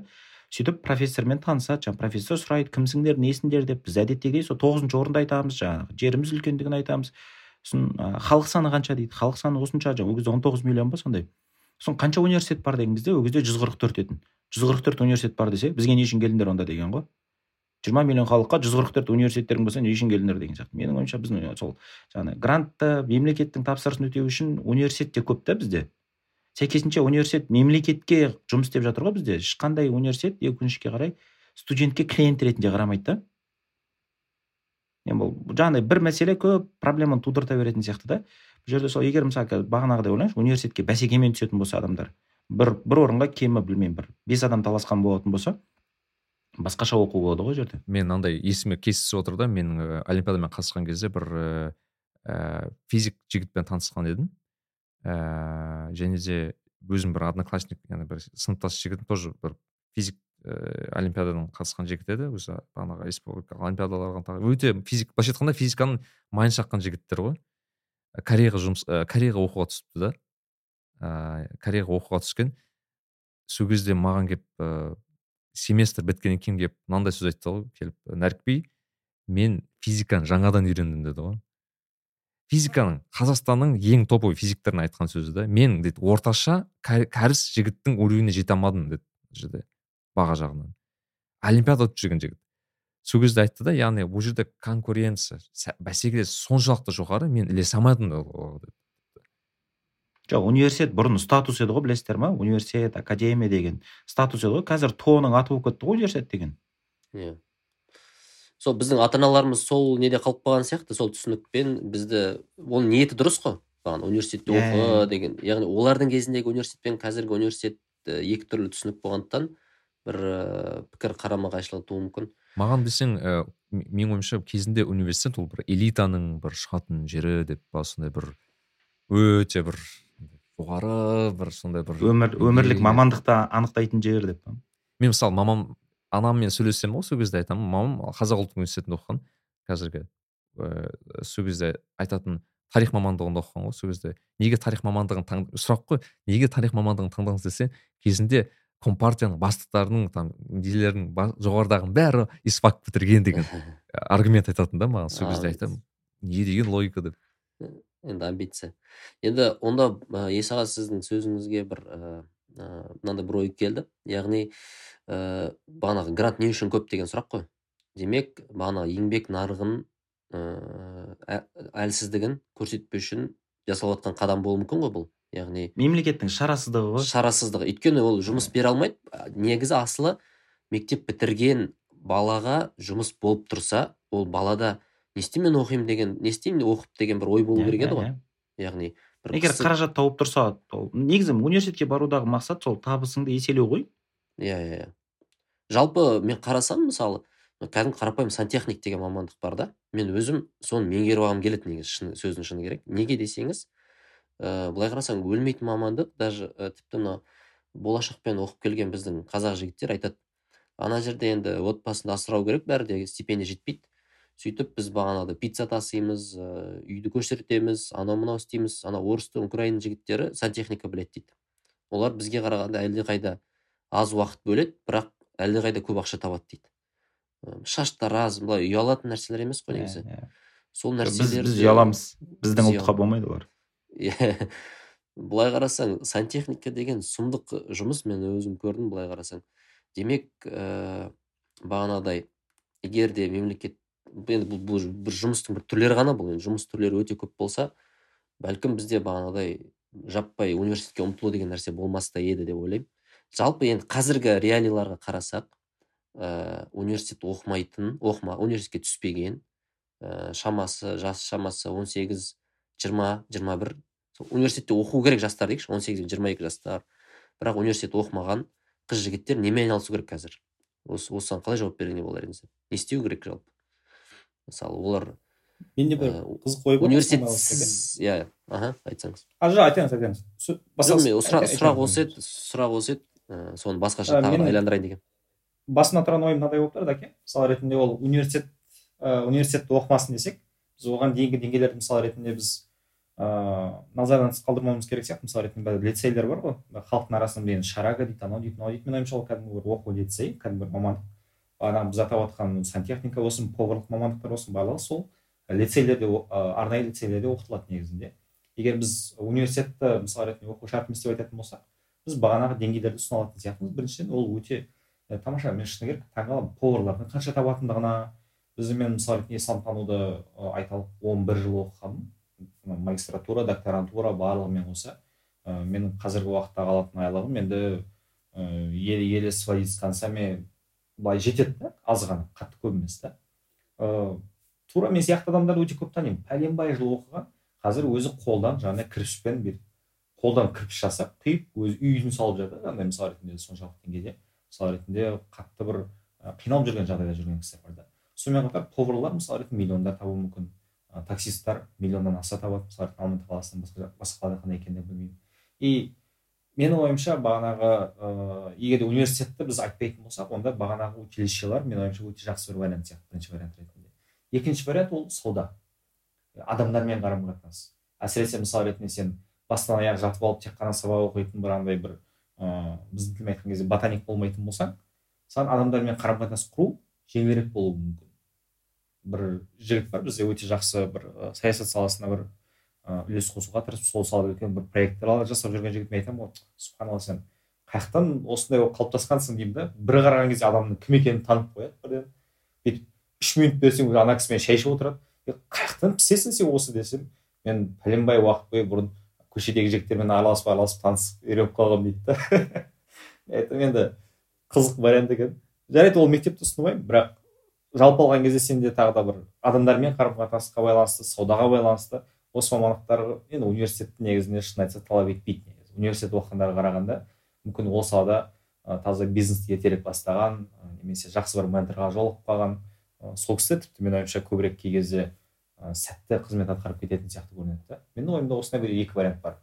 Адамдарға қатысты жаңағы сауда сияқты нәрселер және де училищелар андай университет керісінше андай бір мүмкіндік береді емес шектейтін сияқты ма әрекеттерді?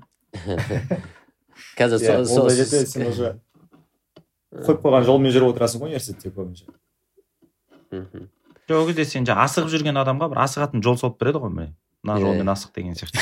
Бір бір бірнеше бірнеше мысал айтып берейінші ііі төрт жыл болды осы соңғы төрт жыл мен бір бір, бір шаш таразыға барып жүрмін да. Ыыы қазір ол жігіт қазір айтамын мен сізге жиырма бірге келді. Ә, ана жігіт енді мектепте оқып жүрген кезден басынан алып жүр ғой былайша айтқан кезде. Шаш шашты. Ә, енді барған сайын сұхбаттасамыз екеуміз сөйлесеміз қазақ жігіт. Бірақ анада бір амбиция жоқ бағана айтқандай бір, бір керемет андай о бастық боламын деген жаңағы кресло аңсау жоқ еді және маған қатты бір қуантқаны әкесі үнемі қолдау беретін оған. Ана ол қандай таңдау жасаса ол сол шамамен сегізінші тоғызыншы сыныптан бастап шаштаразға қызыға бастаған соның курсына барған сөйтіп үйде шаш алып бастаған сөйтіп жаңағы салондарға орналасқан. Сөйтіп ол мысалы салоннан салон қуалап жүреді. Қай салонға барады? мен соның артынан барамын да. Төрт па бес па салон ауыстырған шығар осы алматыда. Мына локацияға барады мен сол жерге барамын оған шаш алдырамын ұнады да ол жігіт маған жалпы өзінің ыыы қабілетінен бөлек жалпы адами ұстанымдары қазір сол жігіт не керек ә, бір жерде ұзақ жұмыс істеді бір екі жылдай ма содан қазір өзі жеке филиал ашып алды сол жерден. Әл фараби жақта жақын кәдімгі үлкен бір локация ретінде. Қазір кәдімгі бір мысалы кәсіпкер болып кетті. Ананың мысалы қазір табысын алатын болсақ оның қатарластарынан нақты бірнеше есе көп. Бірақ ол жігітте әуел бастан ондай бір мақсат ондай бір амбиция болған жоқ ше. Ол жаңағы өзінің бір шеберлігімен жұмыс істеді. Ол қарапайым шаштараздық болса да шеберлікке басымдық қойғаннан ол табыс сол шеберліктің салдары сияқты да. Ал біз керісінше табысты қуалаймыз да шеберлікті шикі қылып аламыз ғой. Сонымен не ешкімге керек емес не андай керек емес болып қаламыз да. Тағы бір мынандай бір мысал айтқым келіп тұр. Осы жақында бір форум болды енді. Табыс бизнес экономика деген сондай бір форум. Ана жерде қазақтар шығып алып сөйлеп жатырмыз. Жаңағы білмеймін әр қазақ бай болу керек деген сияқты. Бізде жаңағы тыңдармандар тыңдап отыр. Иә шынымен қалай байимыз? деген сияқты сұрақтармен. Біз енді мына жерде былайша айтқан кезде сөздіге жақын халықпыз ғой сөзді жіберіп жатырмыз. Ә, бірақ мен айтамын да қараңыздаршы айналамызға бізге қызмет көрсетіп жатқан мына жарықты қойған камераны қойған мына біздің дыбысымызды қойып жатқан кімдер осы қызметтің бәрін көрсетіп жатқан? Осы біздің мына бүкіл ақша табу керек деп айтып жатқан әңгімемізден ақша тауып жатқандар кімдер? Басқа ұлттар да. Ешқандай амбициясы жоқ тып тыныш отырып сол жерде менің ойымша бір қомақты қаражат тауып кетті ғой олар. А бірақ біз білмеймін бір андай бір әлемді мойындату дейміз ба? Сондай бір амбициямен жүрген кезде көп заттан ұтылып қалатын сияқтымыз жаңа. Дәкесі айтқандай білмеймін ыыы сантехник болсын электрик болсын сондай бір мамандықтардың құнын арттыру керек сияқты. Солар сол сол сол позициялардың білмеймін бір салмағын арттыру керек сияқты да. Әйтпесе бізде жаңағыдай екінің бірі болашакер екінің бірі жаңағыдай білмеймін бір ана бір әкімдік пен басқа бір бизнестен басқа таңдау жоқ сияқты бізде қазір жастарда. Енді санасында өмірде емес. Мхм мен енді бағана ата ананың да ықпалын айта кету керек. Бағанағы жігіттің ата әкесі қолдап тұр ғой енді. Ата аналардың да иә, кішкене иә, бір иә. көзқарасы өзгеру сияқты. Қабылдады да баланы. Өте қызық ыыы мысал да. Өйткені мен мынандай мына жақтағы мен тұрып жатқан елдегі мысалы голландиядағы ііі мысалы қызық ііі жүйе бар да мынандай. Ә, бұл елде 12 жаста қателеспесем тест тапсырады да балалар. Тест экзамен секілді. Және ол тест ары қарай қандай бағытта оқитыныңды көрсетеді негізі.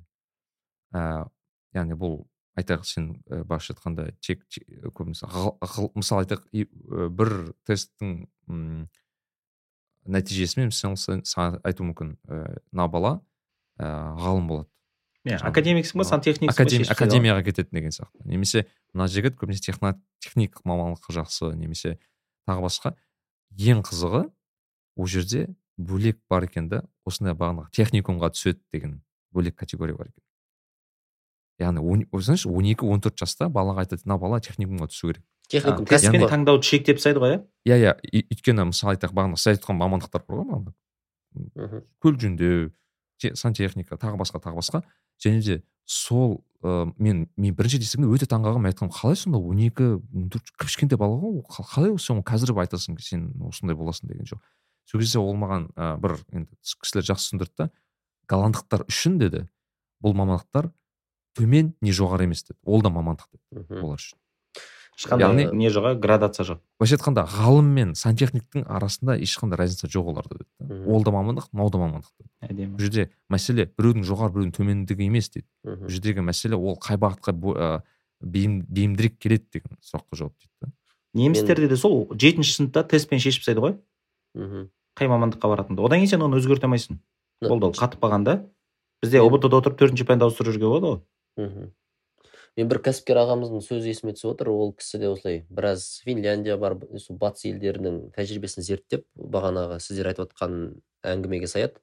Ол кісі айтады. Негізі сол бағанағы бесінші алтыншы сыныпта он он екі жас қой сол. Баланың бейімділігін анықтау керек дейді. Сонда жиырма пайыз жалпы табиғатынан ғалым болуға бейім дейді мысалы пәндерді алатын болсақ негізі бала күніге төрт ақ сағат оқу керек дейді да сол он он екі жасқа дейін. Мысалы ересек адамның өзі он төрт сағаттан көп оқу миы ашып кетеді ғой былайша айтқанда. Сол кезде ә, сөйтіп ә, жалпы білім беріледі.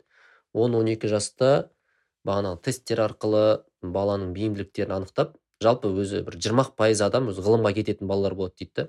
Соларға пәнді үйіп төгуге болады дейді да көбірек беріп нагрузка. Қалған сексен пайызы бағанағыдай техникум кәсіп өнер сол жаққа кететіндер. Оларды басқаша бейімдеу керек дейді да. Енді бұл нәрсенің бәрі бізде жолға қойылмағандықтан мысалы бізде он он екіден кейінгі ойлаңыз ыыы грузить ете береді ғой мысалы.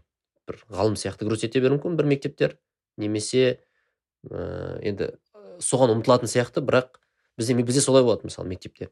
Қазіргі мектептерде білмеймін қандай екен ыыы менің ойымша мектептер көбінесе академияға тым көп ыыы упор қояды сол сол ғалым ғалым ғалым академиялық білімге деп айтайыншы. Өйткені даке қоса кетейін да мысалы мен мен бір байқағаным мен енді қазақтармен араласамын осында және еуропалықтармен басқа ұлттармен араласамын. Мен бір байқағаным қазақтар енді жалпы өте ана бұрынғы кезіндегі кеңес одағының жалпы елдерінің азаматтары өте әлем туралы өте көп біледі екен. Бір сондай көкжиегі кең ба әлем туралы жалпы айтайық. Мысалы бір жанында бір аргентиналық бір жігіт ей сендер аргентинада мынау мынау мынау мынау бар емес пе? Перудің жігіті ей сендерде мынау мынау мынау бар емес пе? И барлық анау таңқалады сен сонша барлық елдің астанасын білеміз сонша көп ыыы ақпарат білесің дейді да мектепте үйретті ғой дейді да яғни бағанағы. Бізде география сабағына өтетінбіз мына жақта өтетінбіз. Ол таңқалады деді мен біздер мысалы сенің мемлекетіңде олай ештеңе білмейміз дейді. Өтпегенбіз де дейді. Бұл енді география оқыған жігіттер ғой бұл қазақтың жігіттері. Иә жоқ кәдімгі жақсы мектепте оқыған бірақ сендердің былайша айтқанда региондарың бізге өтілмеген дейді да мүлдем. Немесе мысалы ыыы қателеспесем мысалы польша елінде мынандай бір қызық мәселе бар да. Тарихты ә, тек айтайық польша мемлекетінің ыыы былайша айтқанда фаундейшн болған жылы бар ғой енді. Негізін қаланған жылынан бастап қана үйретеді екен да. Оған дейінгі тарихты үйретпейді. Мысалы. Тәуелсіз тәуелсіз тарихын қарайды ғой тәуелсіз тарихын үйретеді да. Оған дейінгі тарихын қажет емес деп есептейді да өйткені. А мен мысалы менің мамам тарихшы мен айтамын сіз қай жақтан бастап танисыз? Ойбай не жалит не алит ыыы не дейді ана бағанағы неше түрлі хандар нелер. Мен айтамын да ол жақсы үйретіп жатырмыз. Бірақ балаға қандай көмек деймін андай оқу, оқушының уақыты мен ресурсына деген неткен құрметсіздігі иә былай қарасаң шынымен ғой дедім да ол оған қандай қатысы бар дедім өміріне? Мысалы мен жаттадым кезінде оларды шыны керек.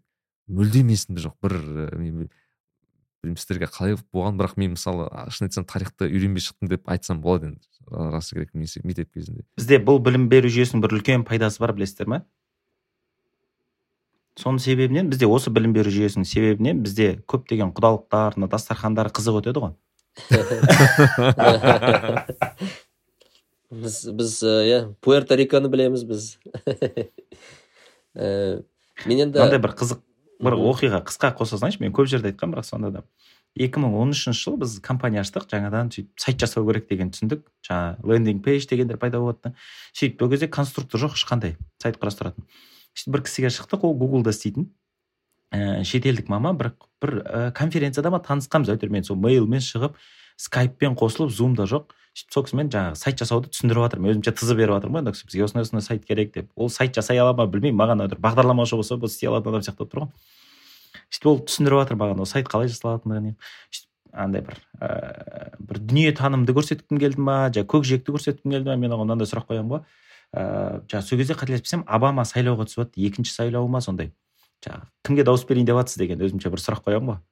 Сөйтсем анау бүйтіп жауап береді ғой қазіргі президентке деп жауап береді да карент президент дейді да атын есіне түсіре алмай қояды ғой обаманың атын есіне түсіре алмай қояды да мен бірінші келген арам ой мынау неткен ақымақ еді деп ойлаймын ғой мен мен үшін назарбаевты ұмытып қалу ол мүмкін емес зат қой әке шешеңнің атын ұмытып қалсаң да назарбаевты ұмыту мүмкін емес сияқты да сосын ойлаймын мә мен кіммен сөйлесіп жүрмін мен ойлағандай мықты адам емес сияқты ғой деген бір ой келеді бірақ өйтіп айтайын десем мен емес ол да гуглда істеп жатқан сондай сәттерде түсінесің да біздің қаншалықты білім не екендігін. Ә, кең бірақ саяз екендігін. Негізі бір қызығы сонымен қатар күнделікті өмірде керек болатын кейбір нәрселер оқытылмайтындығы мені таңғалдырады мен өзім ана қаржы басқа мәселелеріне былай кішкене отызға таяған уақыттарда қызыға бастадым да. Айтамын мә мынаны бүкіл адам білу керек қой деймін да. Просто ақшаны ұстай алуды любой адам білу керек негізінде. Қалай бізге бұны оқытпаған деймін да мен какая разница там пәленбай нәрселер не болып жатқандығы егер де мен жай ғана қарапайым ақшаны басқаруды үйреніп шықпаған болатын болсам деп. Сонымен анау киосакидің кітаптары бар ғой ескендір аға сіз бір уақыттар айтатын едіңіз мен әдейі ол кісіні оқымаймын деп қазір оқитын болдыңыз ба? Иә жоқ ол жерде ол кісінің жалпы идеясы қызық бірақ кітаптарын жалпы жоламауға тырысамын мен бір қызық айтайыншы біздікілер бүйтіп ойлаған сияқты. Осы білім беру жүйесін құрастырған кезде ә, миллион кімге бюро арқылы байиды деп ойлаған ғой. ана сұрақтарына еркін жауап бересіз да миллионер из трущобтағы сияқты ше? Ана роберт киосаки демекші студенттер оқымай ақ қойған дұрыс ол кісіні. Өйткені екінші курста өзім оқып ана бағанағы ойлар келе бастады да. Оқып тастағыңыз келіп па? Иә сол бизнес деген нәрселерді негізі вот дәке сіз өте жақсы тақырыпты бастадыңыз бар ғой. Негізі өйткені ііі оған дейін де мен айтқан маған жиі. Мен соңғы рет енді ашып өтейін. Контекстке беру үшін мысалы мен алматыда ә, марғұлан ағаның марғұлан сейсебай ағамыздың ә, кітаптың презентациясына түстім да мен бақытжан бұқарбай ағам шақырды. Ә, көрсін таныс, танысуға тағы басқа. Сол кезде мен ә, бардым. Байқасам енді марғұлан ағаның көп фанаттары ә, немесе оқырмандары өте көп адам келді. Шыны расы керек. Іші толды. Мен тұрмын. Сол кезде есімде болса мен болдым. Қуаныш мырза болды. Қуаныш шонбай ағамыз. Екеуміз сөйлесіп тұрдық. Сол кезде студент балалар өте көп болды да біздің арамызда. Сөйлесіп тұрмыз бізді қоршап алды былайша айтқанда мына жерде. Ыыы мына жерде сен мағлұмат отыр мына жерде біз тұрмыз. Ііі бізді қоршап алды да біз сөйлесіп тұрмыз. Сол кезде бір ә, жігіт келіп маған айтады да ыыы нәрікби мен ііі айтиға оқимын сіз секілді. Бірақ мен өз мамандығымнан бір кайф ала алмаймын былайша айтқанда мен өзім бір ә, өзім мамандық емес сияқты мен өзім икигайымды таппаған сияқты сондай бір әңгімені ұрып жатыр да сөйтіп мен отырдым сен нені оқисың? дедім да. Ә, марғұлан ағаны оқисың ба? дедім да. Иә дейді мен айттым саған марғұлан қажет емес дедім да оқу шыны керек дедім.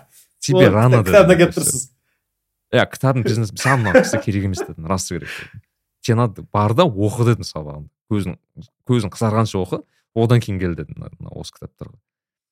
Шыны керек. Ну типа андай ғой кітап ол менің ойымша кітап ол дәрі секілді деп қараймын да ол дәрі саған көмек беруі мүмкін екіншісі ол оның обязательно міндетті түрде бір побочный эффекттер болады да керек емес ііі тұжырымдарға немесе бір дәрі болса саған мүлдем қажет емес қабылдау қазір дегендей да мысалы біздің де ә, енді мен шариғат саласы маманы болғаннан кейін барып сол саладан мысалдар келтіре беремін ғой айтпеңіздер бізде ә, ұстазы бағыттаушы менторы жоқ бірақ өз бетімен көп кітап оқи беретін адамды ғалым ретінде мойындамайды исламда шариғатта ондай адамды бізде сахафи деп атайды. Яғни ол көп кітап оқи беруі мүмкін бірақ парақ аудара берген адам деп айтады да. Яғни толыққанды бір жүйелі бір бірін толықтыратын бір нәтижеге алып келетіндей білім ала алмаған белгілі бір ұстаздың тәлімінен өтпеген адам деп айтады да. Сондықтан шынымен де бағана өте прям күшті бағытта ой қозғалды. Ментор керек сияқты бәрібір ше. Разница сен қай университетте оқисың қай мамандықта оқисың қалай қыласың бірақ сен бір өмірлік бір саған жаны ашитын сені түсіне алатын ә, сен бір бағыттай алатын бір менторың болса мысалы ретінде үлгі тұтатын сен оның сөзін тоқтай алатын деген сияқты. Енді бізде определенный бір шарттар бар. Соның барлығы егер де мысалы ретінде толыққан бір адам бұйыратын болса саған ұстаз ретінде айтатын сияқты. Жаңағы тура сіз айтқандай былайша айтқан рецепт жазып беретін сияқты да. Сен қазір мынаны оқы мынаны оқыма саған қазір мынау бағытта жүру керек мынаны тәрк ету керек деген сияқты ше. Мхм.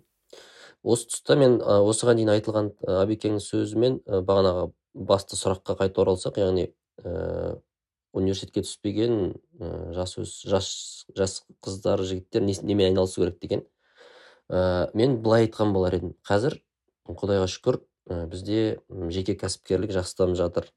Кәсіп жасаушы кәсібі бар бір стартаптар көп та көбейіп келе жатыр қазақстанда. Сол кезде ә, егер сіз бір жақсы басшыны білсеңіз бір кәсіпті ә, кішігірім кәсіп болуы мүмкін. Кәсіп жасап жүрген ол сіздің ағаңыз болуы мүмкін бір танысыңыз біреу болуы мүмкін. Соның кәсібіне барып бір ә, жұмыстың бір ұшын ұстауға болады да негізі. Соның бір барып кел шауып келіне жарауға болады тағы бір нәрсе істеуге болады. Бір жағынан ол кісі сізге ментор яғни нақты іс әрекетті үйретеді кәсіпті ішінен көресіз. Екіншіден мен айтамын бұл сізге ол егер айлыққа тұрсаңыз ол жерге қандай айлық болса да ол да белгілі бір деңгейде университет қой. Сізге ол стипендия төлейді. Айлық деген ол стипендия. Яғни айлықты стипендия десек өте ә, эффективті түрде білім алатын жер да негізі бір кәсіп. Мысалы бізде кітап алды енді бір үлкен компания емес кішігірім бір орта деңгейдегі компания. Бізде мысалы дипломсыз ала береміз мамандарды ә, бағанағы. Он сегіз жастағы қыз жігіттер келеді істеп жатыр мысалы үшін. Ә, енді жақсы істейтіндері бар көп ұзамай көп тұра алмайтындар бар. Бірақ бізде енді бір менторствоның бір ұшқындары бар бізде. Мысалы біздің командада істесе ол белгілі бір нәрсені үйрене бастайды. Бірақ бастысы ә, келіп тұрған қыз жігіт бұл жерді бір университет ретінде көрсе өзіне. Яғни мен кәсіп, бұл осы кәсіптің иесі ретінде өзін бір сезініп істесе ана жерде ол кәдімгідей бір университетте ә, ала алатын білім ала алмайтын тіпті білімдерді осы жақта ала алады. Және сол үшін ақша алып жүруі мүмкін аз маз яғни егер де бағана амбиция деген мәселе бар. Енді бұл, бұл жерде сізге бір үлкен айлық бермеуі мүмкін. Бірақ дегенмен ә, бастапқы кезде осындай бір шарттарға келісіп ә, осындай жұмыстар көп қой негізі. Қазір маман іздеп жүрген мен айналамда өте көп кәсіпкер жігіттер бар. Дұрыс адам таба алмай жүрген. Қарапайым мынау гугл таблицамен есеп жасауды білмейтін қыз жігіттер бар мысалы қарапайым. Жазуды үйренуге ана қарапайым скиллдар керек та бұл жерде кестемен жұмыс істей білу ақшаны есептей алу ә, не бар. Жаза алу ә, бір нәрсені сата алу. Осы осындай қарапайым дәке, қарапайым перне тақтаға қарамай теруден бастаса болады негізі иә стаминамен стаминамен теру. Қысқасы анау адамның өмірін жеңілдететін өте қарапайым мектептің оқушысы үйрене алатын нәрселерді үйренсек және анау кәсіпке кәсіпкерге қалай көмектесе аламын қалай проблемасын шеше аламын деген уайыммен жүрсеңіз сіз керек адамға айналасыз. Сөйтіп ана жерде қазіргі кезде интернетте бүкіл білім бар ғой. Ә, керек мысалы бізде один с ә, мысалы один стен бір қазір проблемалар болса ана жерде сен жұмыс істеп жүріп бір ә, бухгалтерияның бір білімдерін алып ала аласың қысқасы іште жүріп ақ біраз білім алуға болады. Яғни бағанағы сіз егер біздің түсініктегі университетке түсе алмасаңыз сіз кәсіп деген сияқты біреудің кәсібі деген сияқты университетке түсе аласыз да негізі. Тіпті ол жақта тегін жүрсеңіз де болады стипендия алмай жүрсеңіз де болады. Бірақ ә, мысалы ата анаңыз қолдап тұрса деген сияқты. Және бірақ үлкен өмірлік тәжірибе ала аласыз. Және маңыздысы бас, басшыға мән беру керек. Ол сізге ментор бола алатындай жалпы бағыт сілтей алатындай басшы ма қандай басшы? Осы екі критериймен ә, жұмысқа жұмыс істесеңіз қандай кәсіп қандай жұмыс болса да бұның өзі үлкен университет деп ойлаймын мен. Жалпы бағанағы университетке түспеген қыз жігіттерге айтарым. Осы өте маңызды. Иә өйткені мысалы менің өз басымнан сол өтті да. Мысалы мен бір алғашқы жұмыстардың бірінде өзім айти маман ретінде енді расы керек қазақстанда айти маманы тіпті менің кезімде жақсы төленетін салыстырмалы түрде. Бірақ бізде мынандай проблема болатын да көп жігіттер сол ақшаға бола жұмысқа көп жерге тұратын еді да.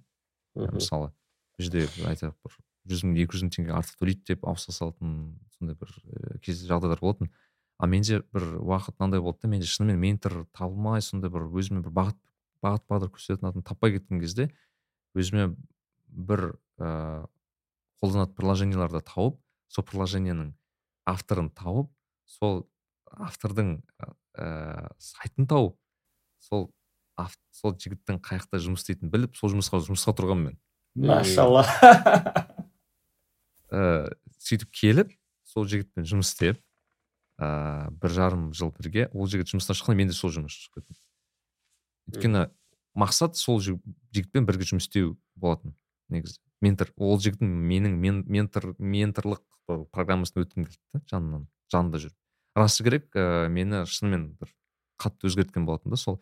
Яғни айтқым келгені ә, ол да бір ә, мүмкін ә, менің жағымнан келмес шығар. Мысалы сіз бір кәсіп болсын бір қолданып жүретін бір продукт болсын соның сол кісіге тіпті бесплатно жұмыс істеу немесе көмекші болуға да дайын болу керек сияқты. Өйткені ә, сол арқылы мен қатты өзіме сабақтар алдым да. Ол вот сол маған нағыз университет болатын. Мысалы айт, бағана айтқандай мысалы мен университетте көп білім алмасам да ол жігіттің бағана ол ортада жүріп мен өте көп ыыы былайша керек білімдерді алдым. Бесплатно дегенде ол жерде сіз ең қымбат затпен төлеп жатырсыз ғой негізі.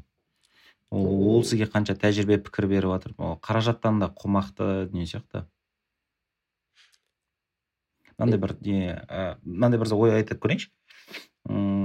Біз ұзақ зат бір затпен жүрсек ұзақ уақытпен белгілі бір он жылдан астам ба екен содан басқа ештеңке жоқ сияқты бітті сомен шектеулі сияқты бір түсінік қалыптасып қалатын сияқты.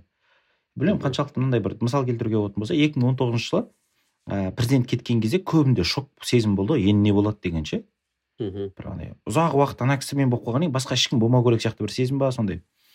Тура сол сияқты мүмкін оқушыларда андай бола ма деп ойлаймын да менде де болды ол. Он бір жыл сен жаңағы мектепте оқығаннан кейін мектептен басқа ештеңке жоқ сияқты сенің өміріңде. Ұбт ол білмеймін өмірдің соңы ғой әсіресе сәтсіз болатын болса. Жаңа мен ұбт дан құлап жаңағы қайғырып өзіме өзіме драма болып жүрген кезінде ағылшын тіл мұғалімінің мынандай бір сөзі есімде қалып қойды да мен. Мектеп бітіру мектепті тәмамдау ол өмірдің таңы дегені. Мхм. А мен үшін бітті. Иә өмірдің таңы. Ә, ол кісі енді орысша айтты жаңағы выпуск школы это рассвет жизни деп.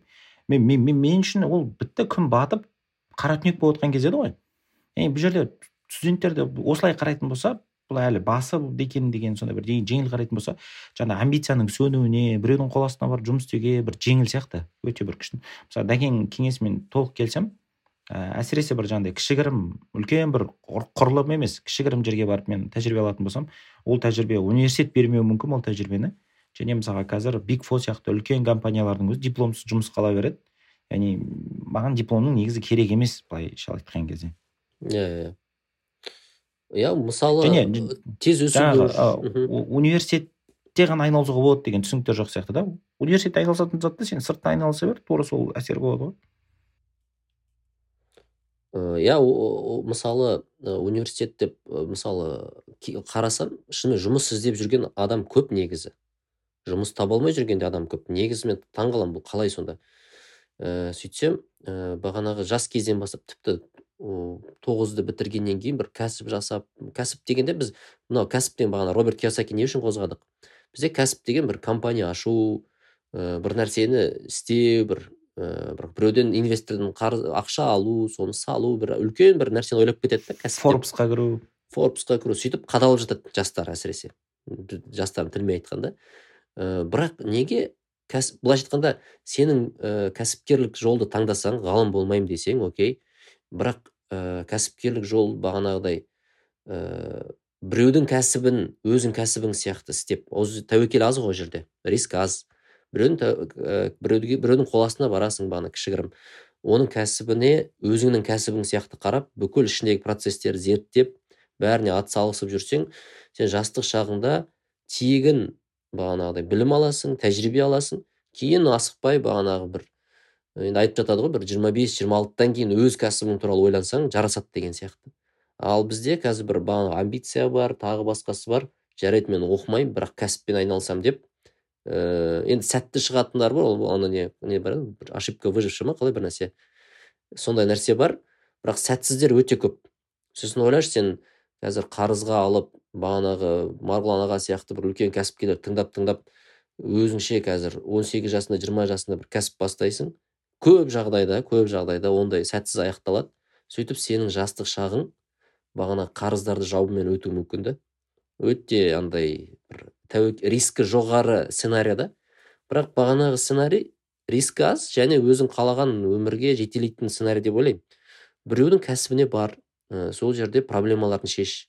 Сол жерде сатуды үйрен сол жерде адамдармен сөйлесуді үйрен. Үлкен тәжірибе білім. Сөйтіп саған өз кәсібіңді ашу, ашу жеңілірек болады кейін. Осы осы логика жастарға айтарым. Мынандай идеяға қалай қарайсыздар? Бізде жаңағы амбицияның көп болуы президент болуға ұмтылу енді не үшін президент болғысы келеді? Өйткені бай болғысы келген деген сияқты ғой адамдар. Ә, немесе жаңағы мамандық таңдауда мамандыққа тезірек асығу ә, мен мамандық жаңағы мен табысымды еселеп береді деп үміттену. Осының бәрі ақшаның ә, құндылық құрал емес бір мынандай бір бірінші орында мақсатқа айналып кеткендігінен сияқты да.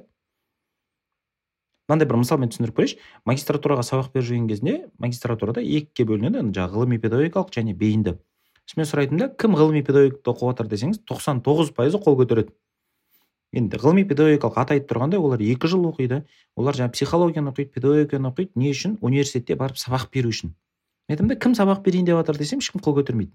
Енді сабақ бермейтін болсаң не үшін түстің онда педагогикалыққа дейтін болсаңыз неге бейіндіге түсе салмадың? Бір ақ жыл ғой уақытың азырақ кетеді ғой дейтін болсаңыз ыыы өйткені бейіндіде грант жоқ. Ғылыми педагогикалықта грант бар. Сонда бұлардың түсінігінде андай бір я ақша көбірек табу я ақша азырақ жарату деген бір мақсат бірінші орында тұратын сияқты да. Содан мен мысалы қарапайым уақыттың құндылығын түсінбеймін. Сонда мысалы ана жерде қарайтын болсаңыз үш жүз алпыс бес күн магистратураның бір жылына төлейтін ақшамен салыстырған кезде ана уақыт емес ақша маңыздырақ болып тұр ғой. Сол үшін де мен біреудің қол астына барып жұмыс істеуге ақысыз жұмыс істеуге теңге төленбейтін жұмыс істеуге дайын емеспін да маған ақы төлену керек қой. Мен одан да уақытымды құрта беруге төрт жыл уақытымды құрта салуға дайын тұрмын да. Ол иә құндылықтар мәселесі сияқты. Адам нені құнды көреді деген сияқты. Анау бір сөз бар ғой. Ә, ақша туралы байлардан да көп ойлайтын топ бар ол кедейлер деген сияқты. Яғни ә, шыны керек бізде ана құндылықтар жүйесінде қалыптастыру керек сияқты. Яғни еңбек құндылығы деген сияқты. Бізде ана көбінесе ә, шын шындап келгенде былай аз тер төгіп ә, тез байып кеткім келеді. Мына инстаграмның әсері бар. Жалпы тағы бағанағы ыыы марғұлан ағалардың мысалымен мен айтар едім бізге қазіргі кезде бәлкім осы құндылықтарды ә, реттеу түзеу мәселесінде мамандар да бір кумирлерге бір айналу керек сияқты. Мысалы бізде қазір кәсіпкерлер ғой инстаграмда көп көрінетін. Сонда бір жастарда бір ә, бір ой қалыптасуы мүмкін. Енді инстаграмда солар көріне берсе тіпті мынандай да байқадым сен блогер болғым келеді вайнер болғым келеді деген сияқты бір топтар шықты бір жылдары. Балалардан сұрасаң сегізінші жетінші сыныптағы балалардан. Кім болғым келеді десе мен блогер болғым келеді вайнер болғым келеді. Яғни бәлкім ә, бізге өз ісінің мамандары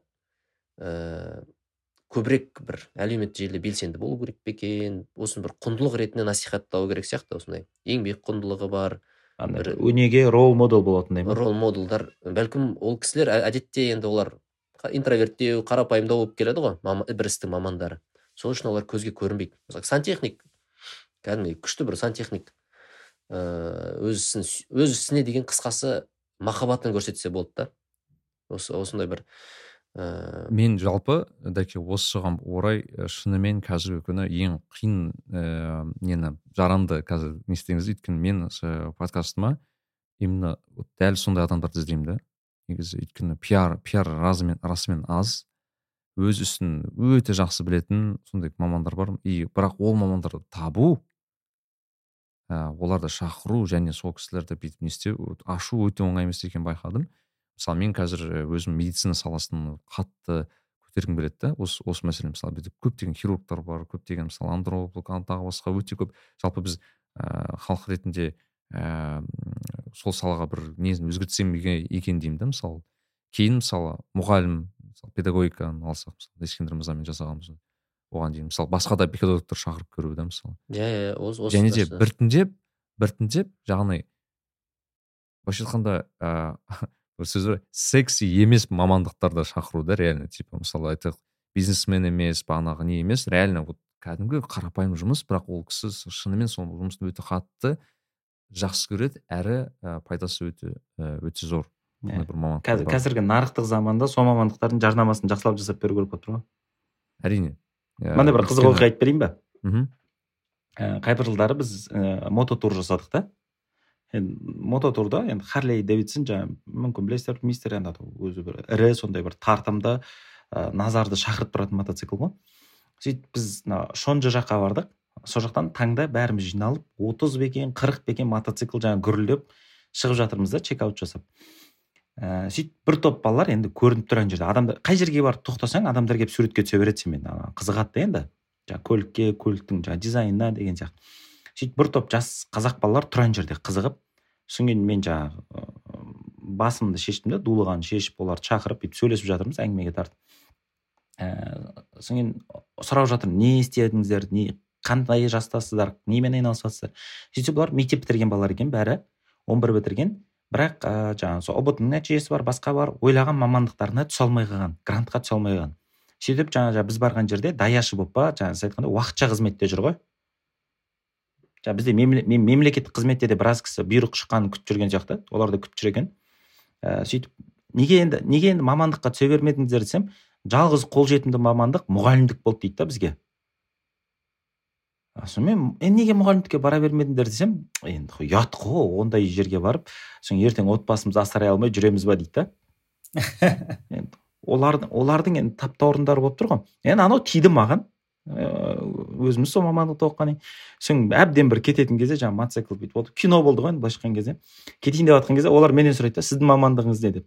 Сосын мен айтамын да жаңағы біз педагогпын да мұғаліммін деймін да мен түсіремін де кетемін ғой аналардың көздерін көрсеңіз аналар түсінбей қалды да енді. Олардың миына сыймады анау қалай деп ше.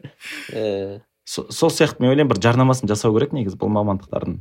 Иә жарнама мысалы мен қазір өзім сондай бір образ қалыптастырып көрсетіп жүрмін андай. Ағартушы жазушы деп өзімді таныстырамын таныстырамын да енді. Ә, инстаграмда ә, сөйтіп анау кейбір жастардың ә, бағана ақша деп жатсыз ғой бір не жазған болатынмын қысқа сторис. Білесіздер ма кәсіпкер мен ғалымның айырмашылығы қандай деп? Ә, біз көп қателеседі мысалы кәсіпкер ол ақша табатын адам деп ғалым ақша алмайтын деп. Екеуі негізі ақша таба алмайтын кәсіпкерлер бар ақша таба алатын ғалымдар бар. Екеуінің айырмашылығы фокусында екен. Ғылым ғалымның фокусы ғылымда кәсіпкердің фокусы ақша табуда да. Сол ғана айырмашылық фокуста деп бір ә, стори жазған яғни анау бір таптаурындарын бұзуда адамдардың. Бізде бір түсініктер бар ғой. Кәсіпкер тек қана ақша табады анау таба алмайтын кәсіпкерлер көп қой. Бірақ фок, фокус ақша табуда. Ғалымдар бар. кәсіпкерлер көбірек. Көбірек иә. Ақша таба алады жоқ ана ақша түсін мынандай бір заңдылық қалыптастыра салып болатын сияқты. Ә, инстаграмда тауып жүрмін деген кісілердің көбі керісінше сол таппай жатқаннан кейін тауып жүрмін деп айтады ғой. Иә иә сол сол нәрселерді бір өзгерту керек өзгерту керек ә... бір бір не есіме түсіп жатыр? Біз университетте лекция ұйымдастыратынбыз. Сосын сол лекцияға көбінесе жаңағы кәсіпкерлер келеді. Сөйтіп жаңағы кәсіпкерліктің уын шашады ғой былайша айтқан кезде студенттерге ше. Мына оқулардан пайда жоқ тастаңдар жаңағы стив джобс та тастаған цукерберг те тастаған деген сияқты тезірек кәсіп ашыңдар ә, бай боласыңдар деген сияқты. Жаңағы қымбат киіммен тұру мүмкін бренд киімдер болуы мүмкін қымбат көлікпен келуі мүмкін. Қарызға алынған дейсің. ғой ол жағын білмейміз ғой бірақ келіп азғырып кетеді ана студенттерді ә, жоқ мен студенттің оқуын тоқтатуына еш қарсылығым жоқ бірақ саналы түрде енді. Кәсіпкерлік үшін емес та бірақ адам жоғары көтерілу керек қой төмен түсе бермес бір күні біз бір кісіні шақырдық. Ол кісі шеберетін музыкалық аспаптар жасайды да. Музыкалық аспаптар жасайды. Және ол кісінің лекциясында маған ұнағаны ол кісі әлемде сондай музыкалық аспап жасайтын көптеген шеберлердің бір жиырмаға жуық шебердің ба атын көрсетті. Осындай кісі бар осындай кісі бар осындай кісі бар осындай кісі бар деген сияқты. Енді ешкім танымаймыз. Ә, бәрінің тізімін көрсетті де. Бұны не үшін көрсетіп жатыр десек сөйтіп олардың жылдық табысын көрсетті ғой. Сол жаңағы шеберлердің музыкалық аспап жасайтын әртүрлі шеберлердің жылдық табысын көрсетті де мынандай сұрақ қойды соңында. Осы лекцияға келген қанша кәсіпкерлер бар? Қай кәсіпкер мыналардан көп табады деді ғой. Мен сізге айтайын ешқайсысы ешқайсысының жылдық табысы ана шеберлердің табысына жетпейді да. Және біз мынаны түсінуіміз керек енді әлемдік статистикаға сүйенетін болсақ бір пайыз адам кәсіпкер ғой. Мен мен, мен өзім мынандай позициядамын да бір кәсіпкерліктің курсы болмау керек деп санаймын. Кәсіпкерлікке адамды үйретпеу керек деп санаймын білмеймін мысалы. жшс ті қалай ашу керек деп үйрету адамға ол кәсіпкер болатын адам емес та ол білмеймін андай. қинап керек емес та ол адамды. кәсіпкер болатын адам ол артық сұрақ қоймайтын барып қателесе беретін өзі бір ережеге қарсы жүретін адам ғой бөлектеу кішкене. кәсіпкер болатын адамды сіз қалай тоқтата алмайтын сияқтысыз да ол бәрібір кәсіпкер болады. қалғанымыз шеберлікке ұмтылу керек сияқты менің ойымша. кәсіпкерліктің өзі бір шеберлік қой негізі. мынандай мынандай түйін шығарса болатын сияқты. кәсіпкердің бәрі шебер емес бірақ қандай білмеймін шеберлердің бәрі кәсіпкер бола алады да. Иә иә. Мынау бір әде мысалы иә мен мысалы мынандай бізде енді айти мамандық болғандықтан бізде барлық ыыы данныйлар ашық қой енді ол жағынан ақпараттар ашық та бізде тіпті бөлек сайттар бар тек соған арналған. Яғни адамдар анонимно өзінің позициясы мен зарплатасын жазып кетеді сол бір ана ақпарат аккумулировать етіп бір статистика көрсетеді да. Сол кезде мысалы біз жақында шықтық. мысалы а гуглда л ол жақта левелдар бар да л бір л екі л үш л төрт л он бірге дейін барады солай. Ыыы енді өсе береді да енді. Он бір жалпы уровень бар да. Сол кезде ыыы қателеспесем л сегіз немесе л тоғыз. Жоқ қателеспесем л жеті. Ә, америкада бір миллион табыс жылына. Л тоғыз екі жарым миллион. Табыс жылына.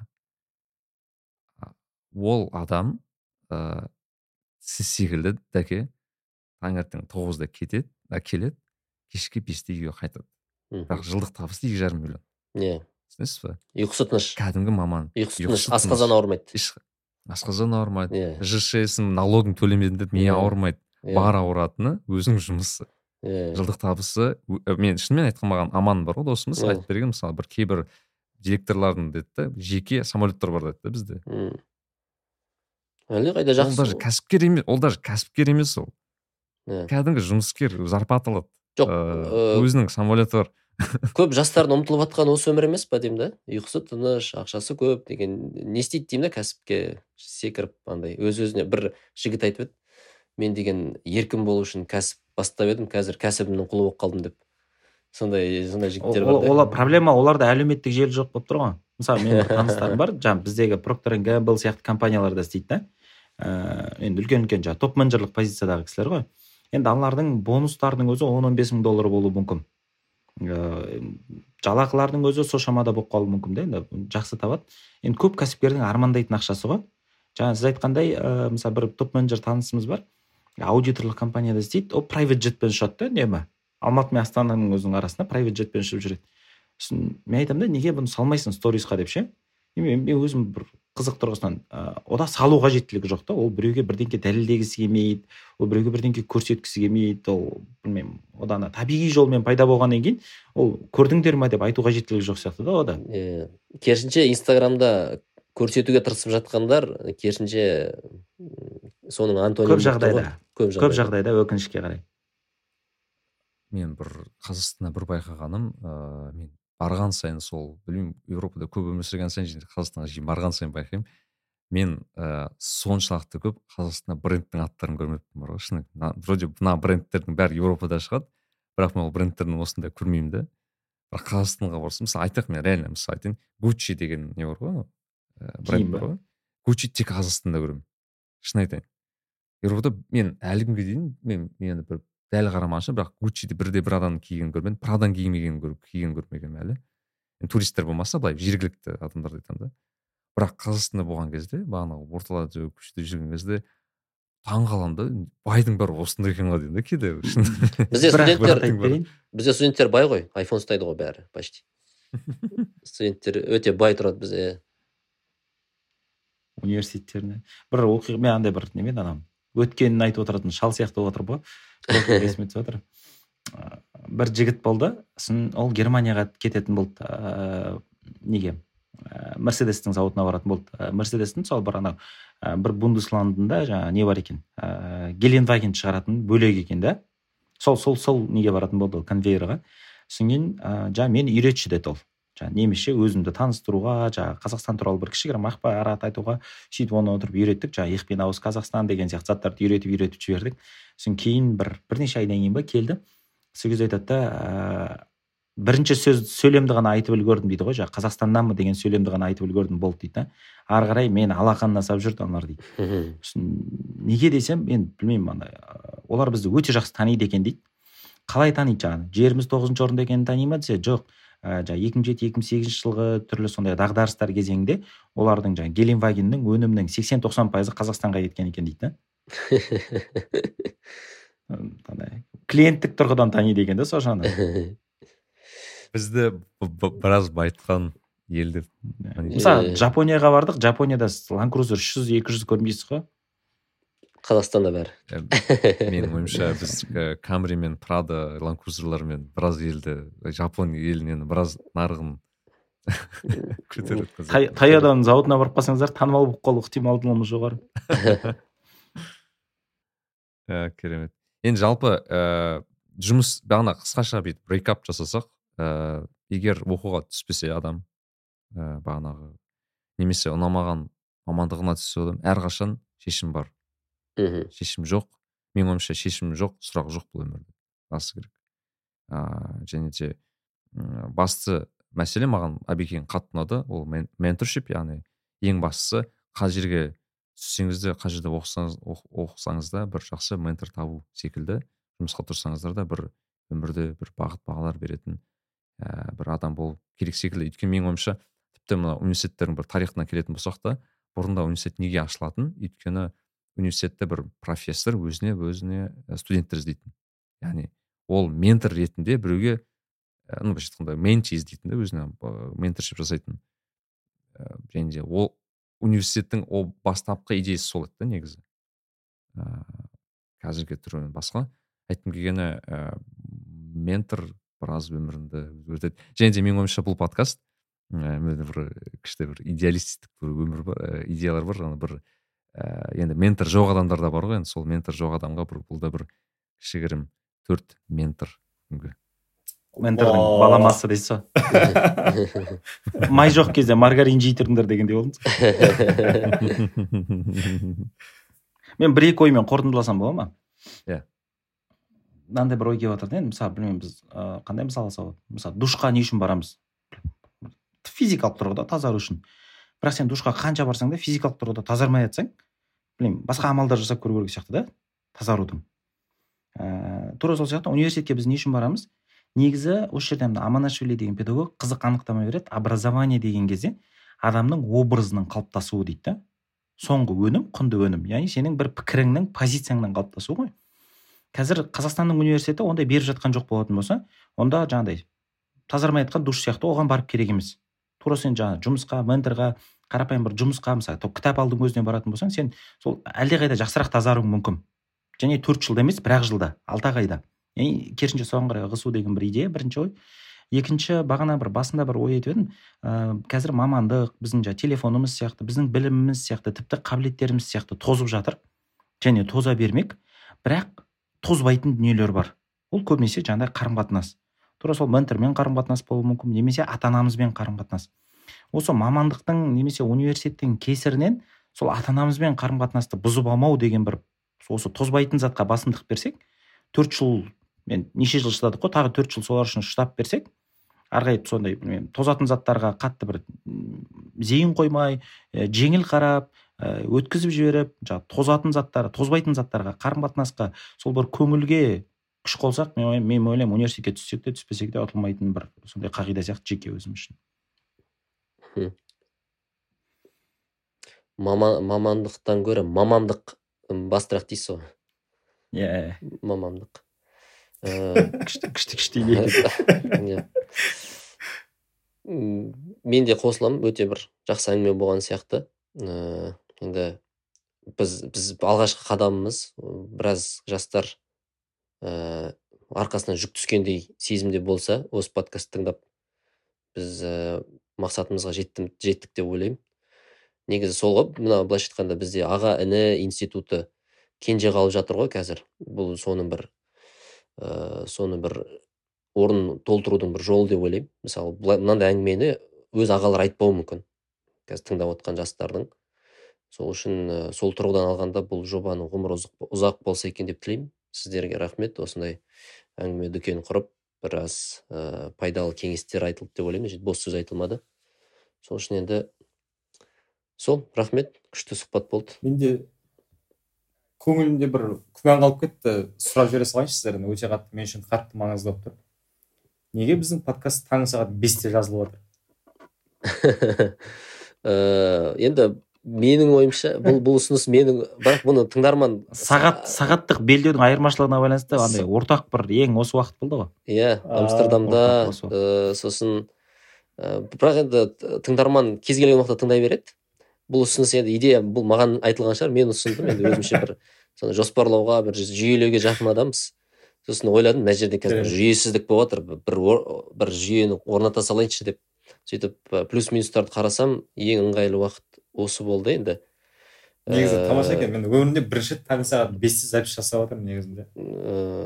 Иә енді бір отбасылық құдай қаласа отбасылы адам ретінде де андай бала, бала шағалы адам ретінде де осындай қадамға баруға мәжбүр болып жатырмыз әйтпесе ұйқы қымбат қой. Бірақ ә, мынандай тыныштықта ә, жазу мүмкін емес пе еді деп ойлаймын басқа уақытта білмеймін. Біз біз біз ұйқыны қызып жаз біз ұйқыны қиып жазған подкаст тыңдармандарды ұйықтатпасын дейсіз ғой. Әумин әумин күшті. Иә мен жалпы қоса кетерім. Ііі осы подкасттың енді қандай сұрақ бұл жерде негізгі формат менің ойымша сұрақтан басталу керек секілді. Қандай бүгінгі сұрақ мысалы мамандық таңдау ііі университет тағы басқа болса егер тыңдармандар яғни сіздердің ііі бір қоятын сұрақтарыңыз болса біз і сілтемелер қалдырып кетеміз. Ііі сол жерге өтіп ана сұрақтарыңызды қалдырып бірақ ыыы бастысы толығырақ өздеріңіздің былайша айтқанда ыыы мәселеңізді толыққанды жазсаңыздар ііі осы бір эпизодтардың бірінде осы біз құдай қаласа сол тақырыптарды талдайтын боламыз. Сол ыыы баршаңызға көп рахмет. Иә ә, ескендір мырза дәке әбеке бәрі баршаңызға барыңызға көп рахмет. Менің ойымша осы уақыттарыңызды тыйып ә, осы ыыы осындай бір керемет ой толқы болды деп ойлаймын. Және де пайдасы да зор деп ойлаймын. Ыыы иә тыңдарманға айтатын осы подкастты ютубтан іздемей ақ қойыңыздар иә ютуб подкаст бүкіл стриминг платформаларда іздеңіздер. Иә сол достар онда ыыы келесі кездескенше күн жақсы деп бүгінгі эпизодымызды аяқтайық. Баршаңызға ассалаумағалейкум.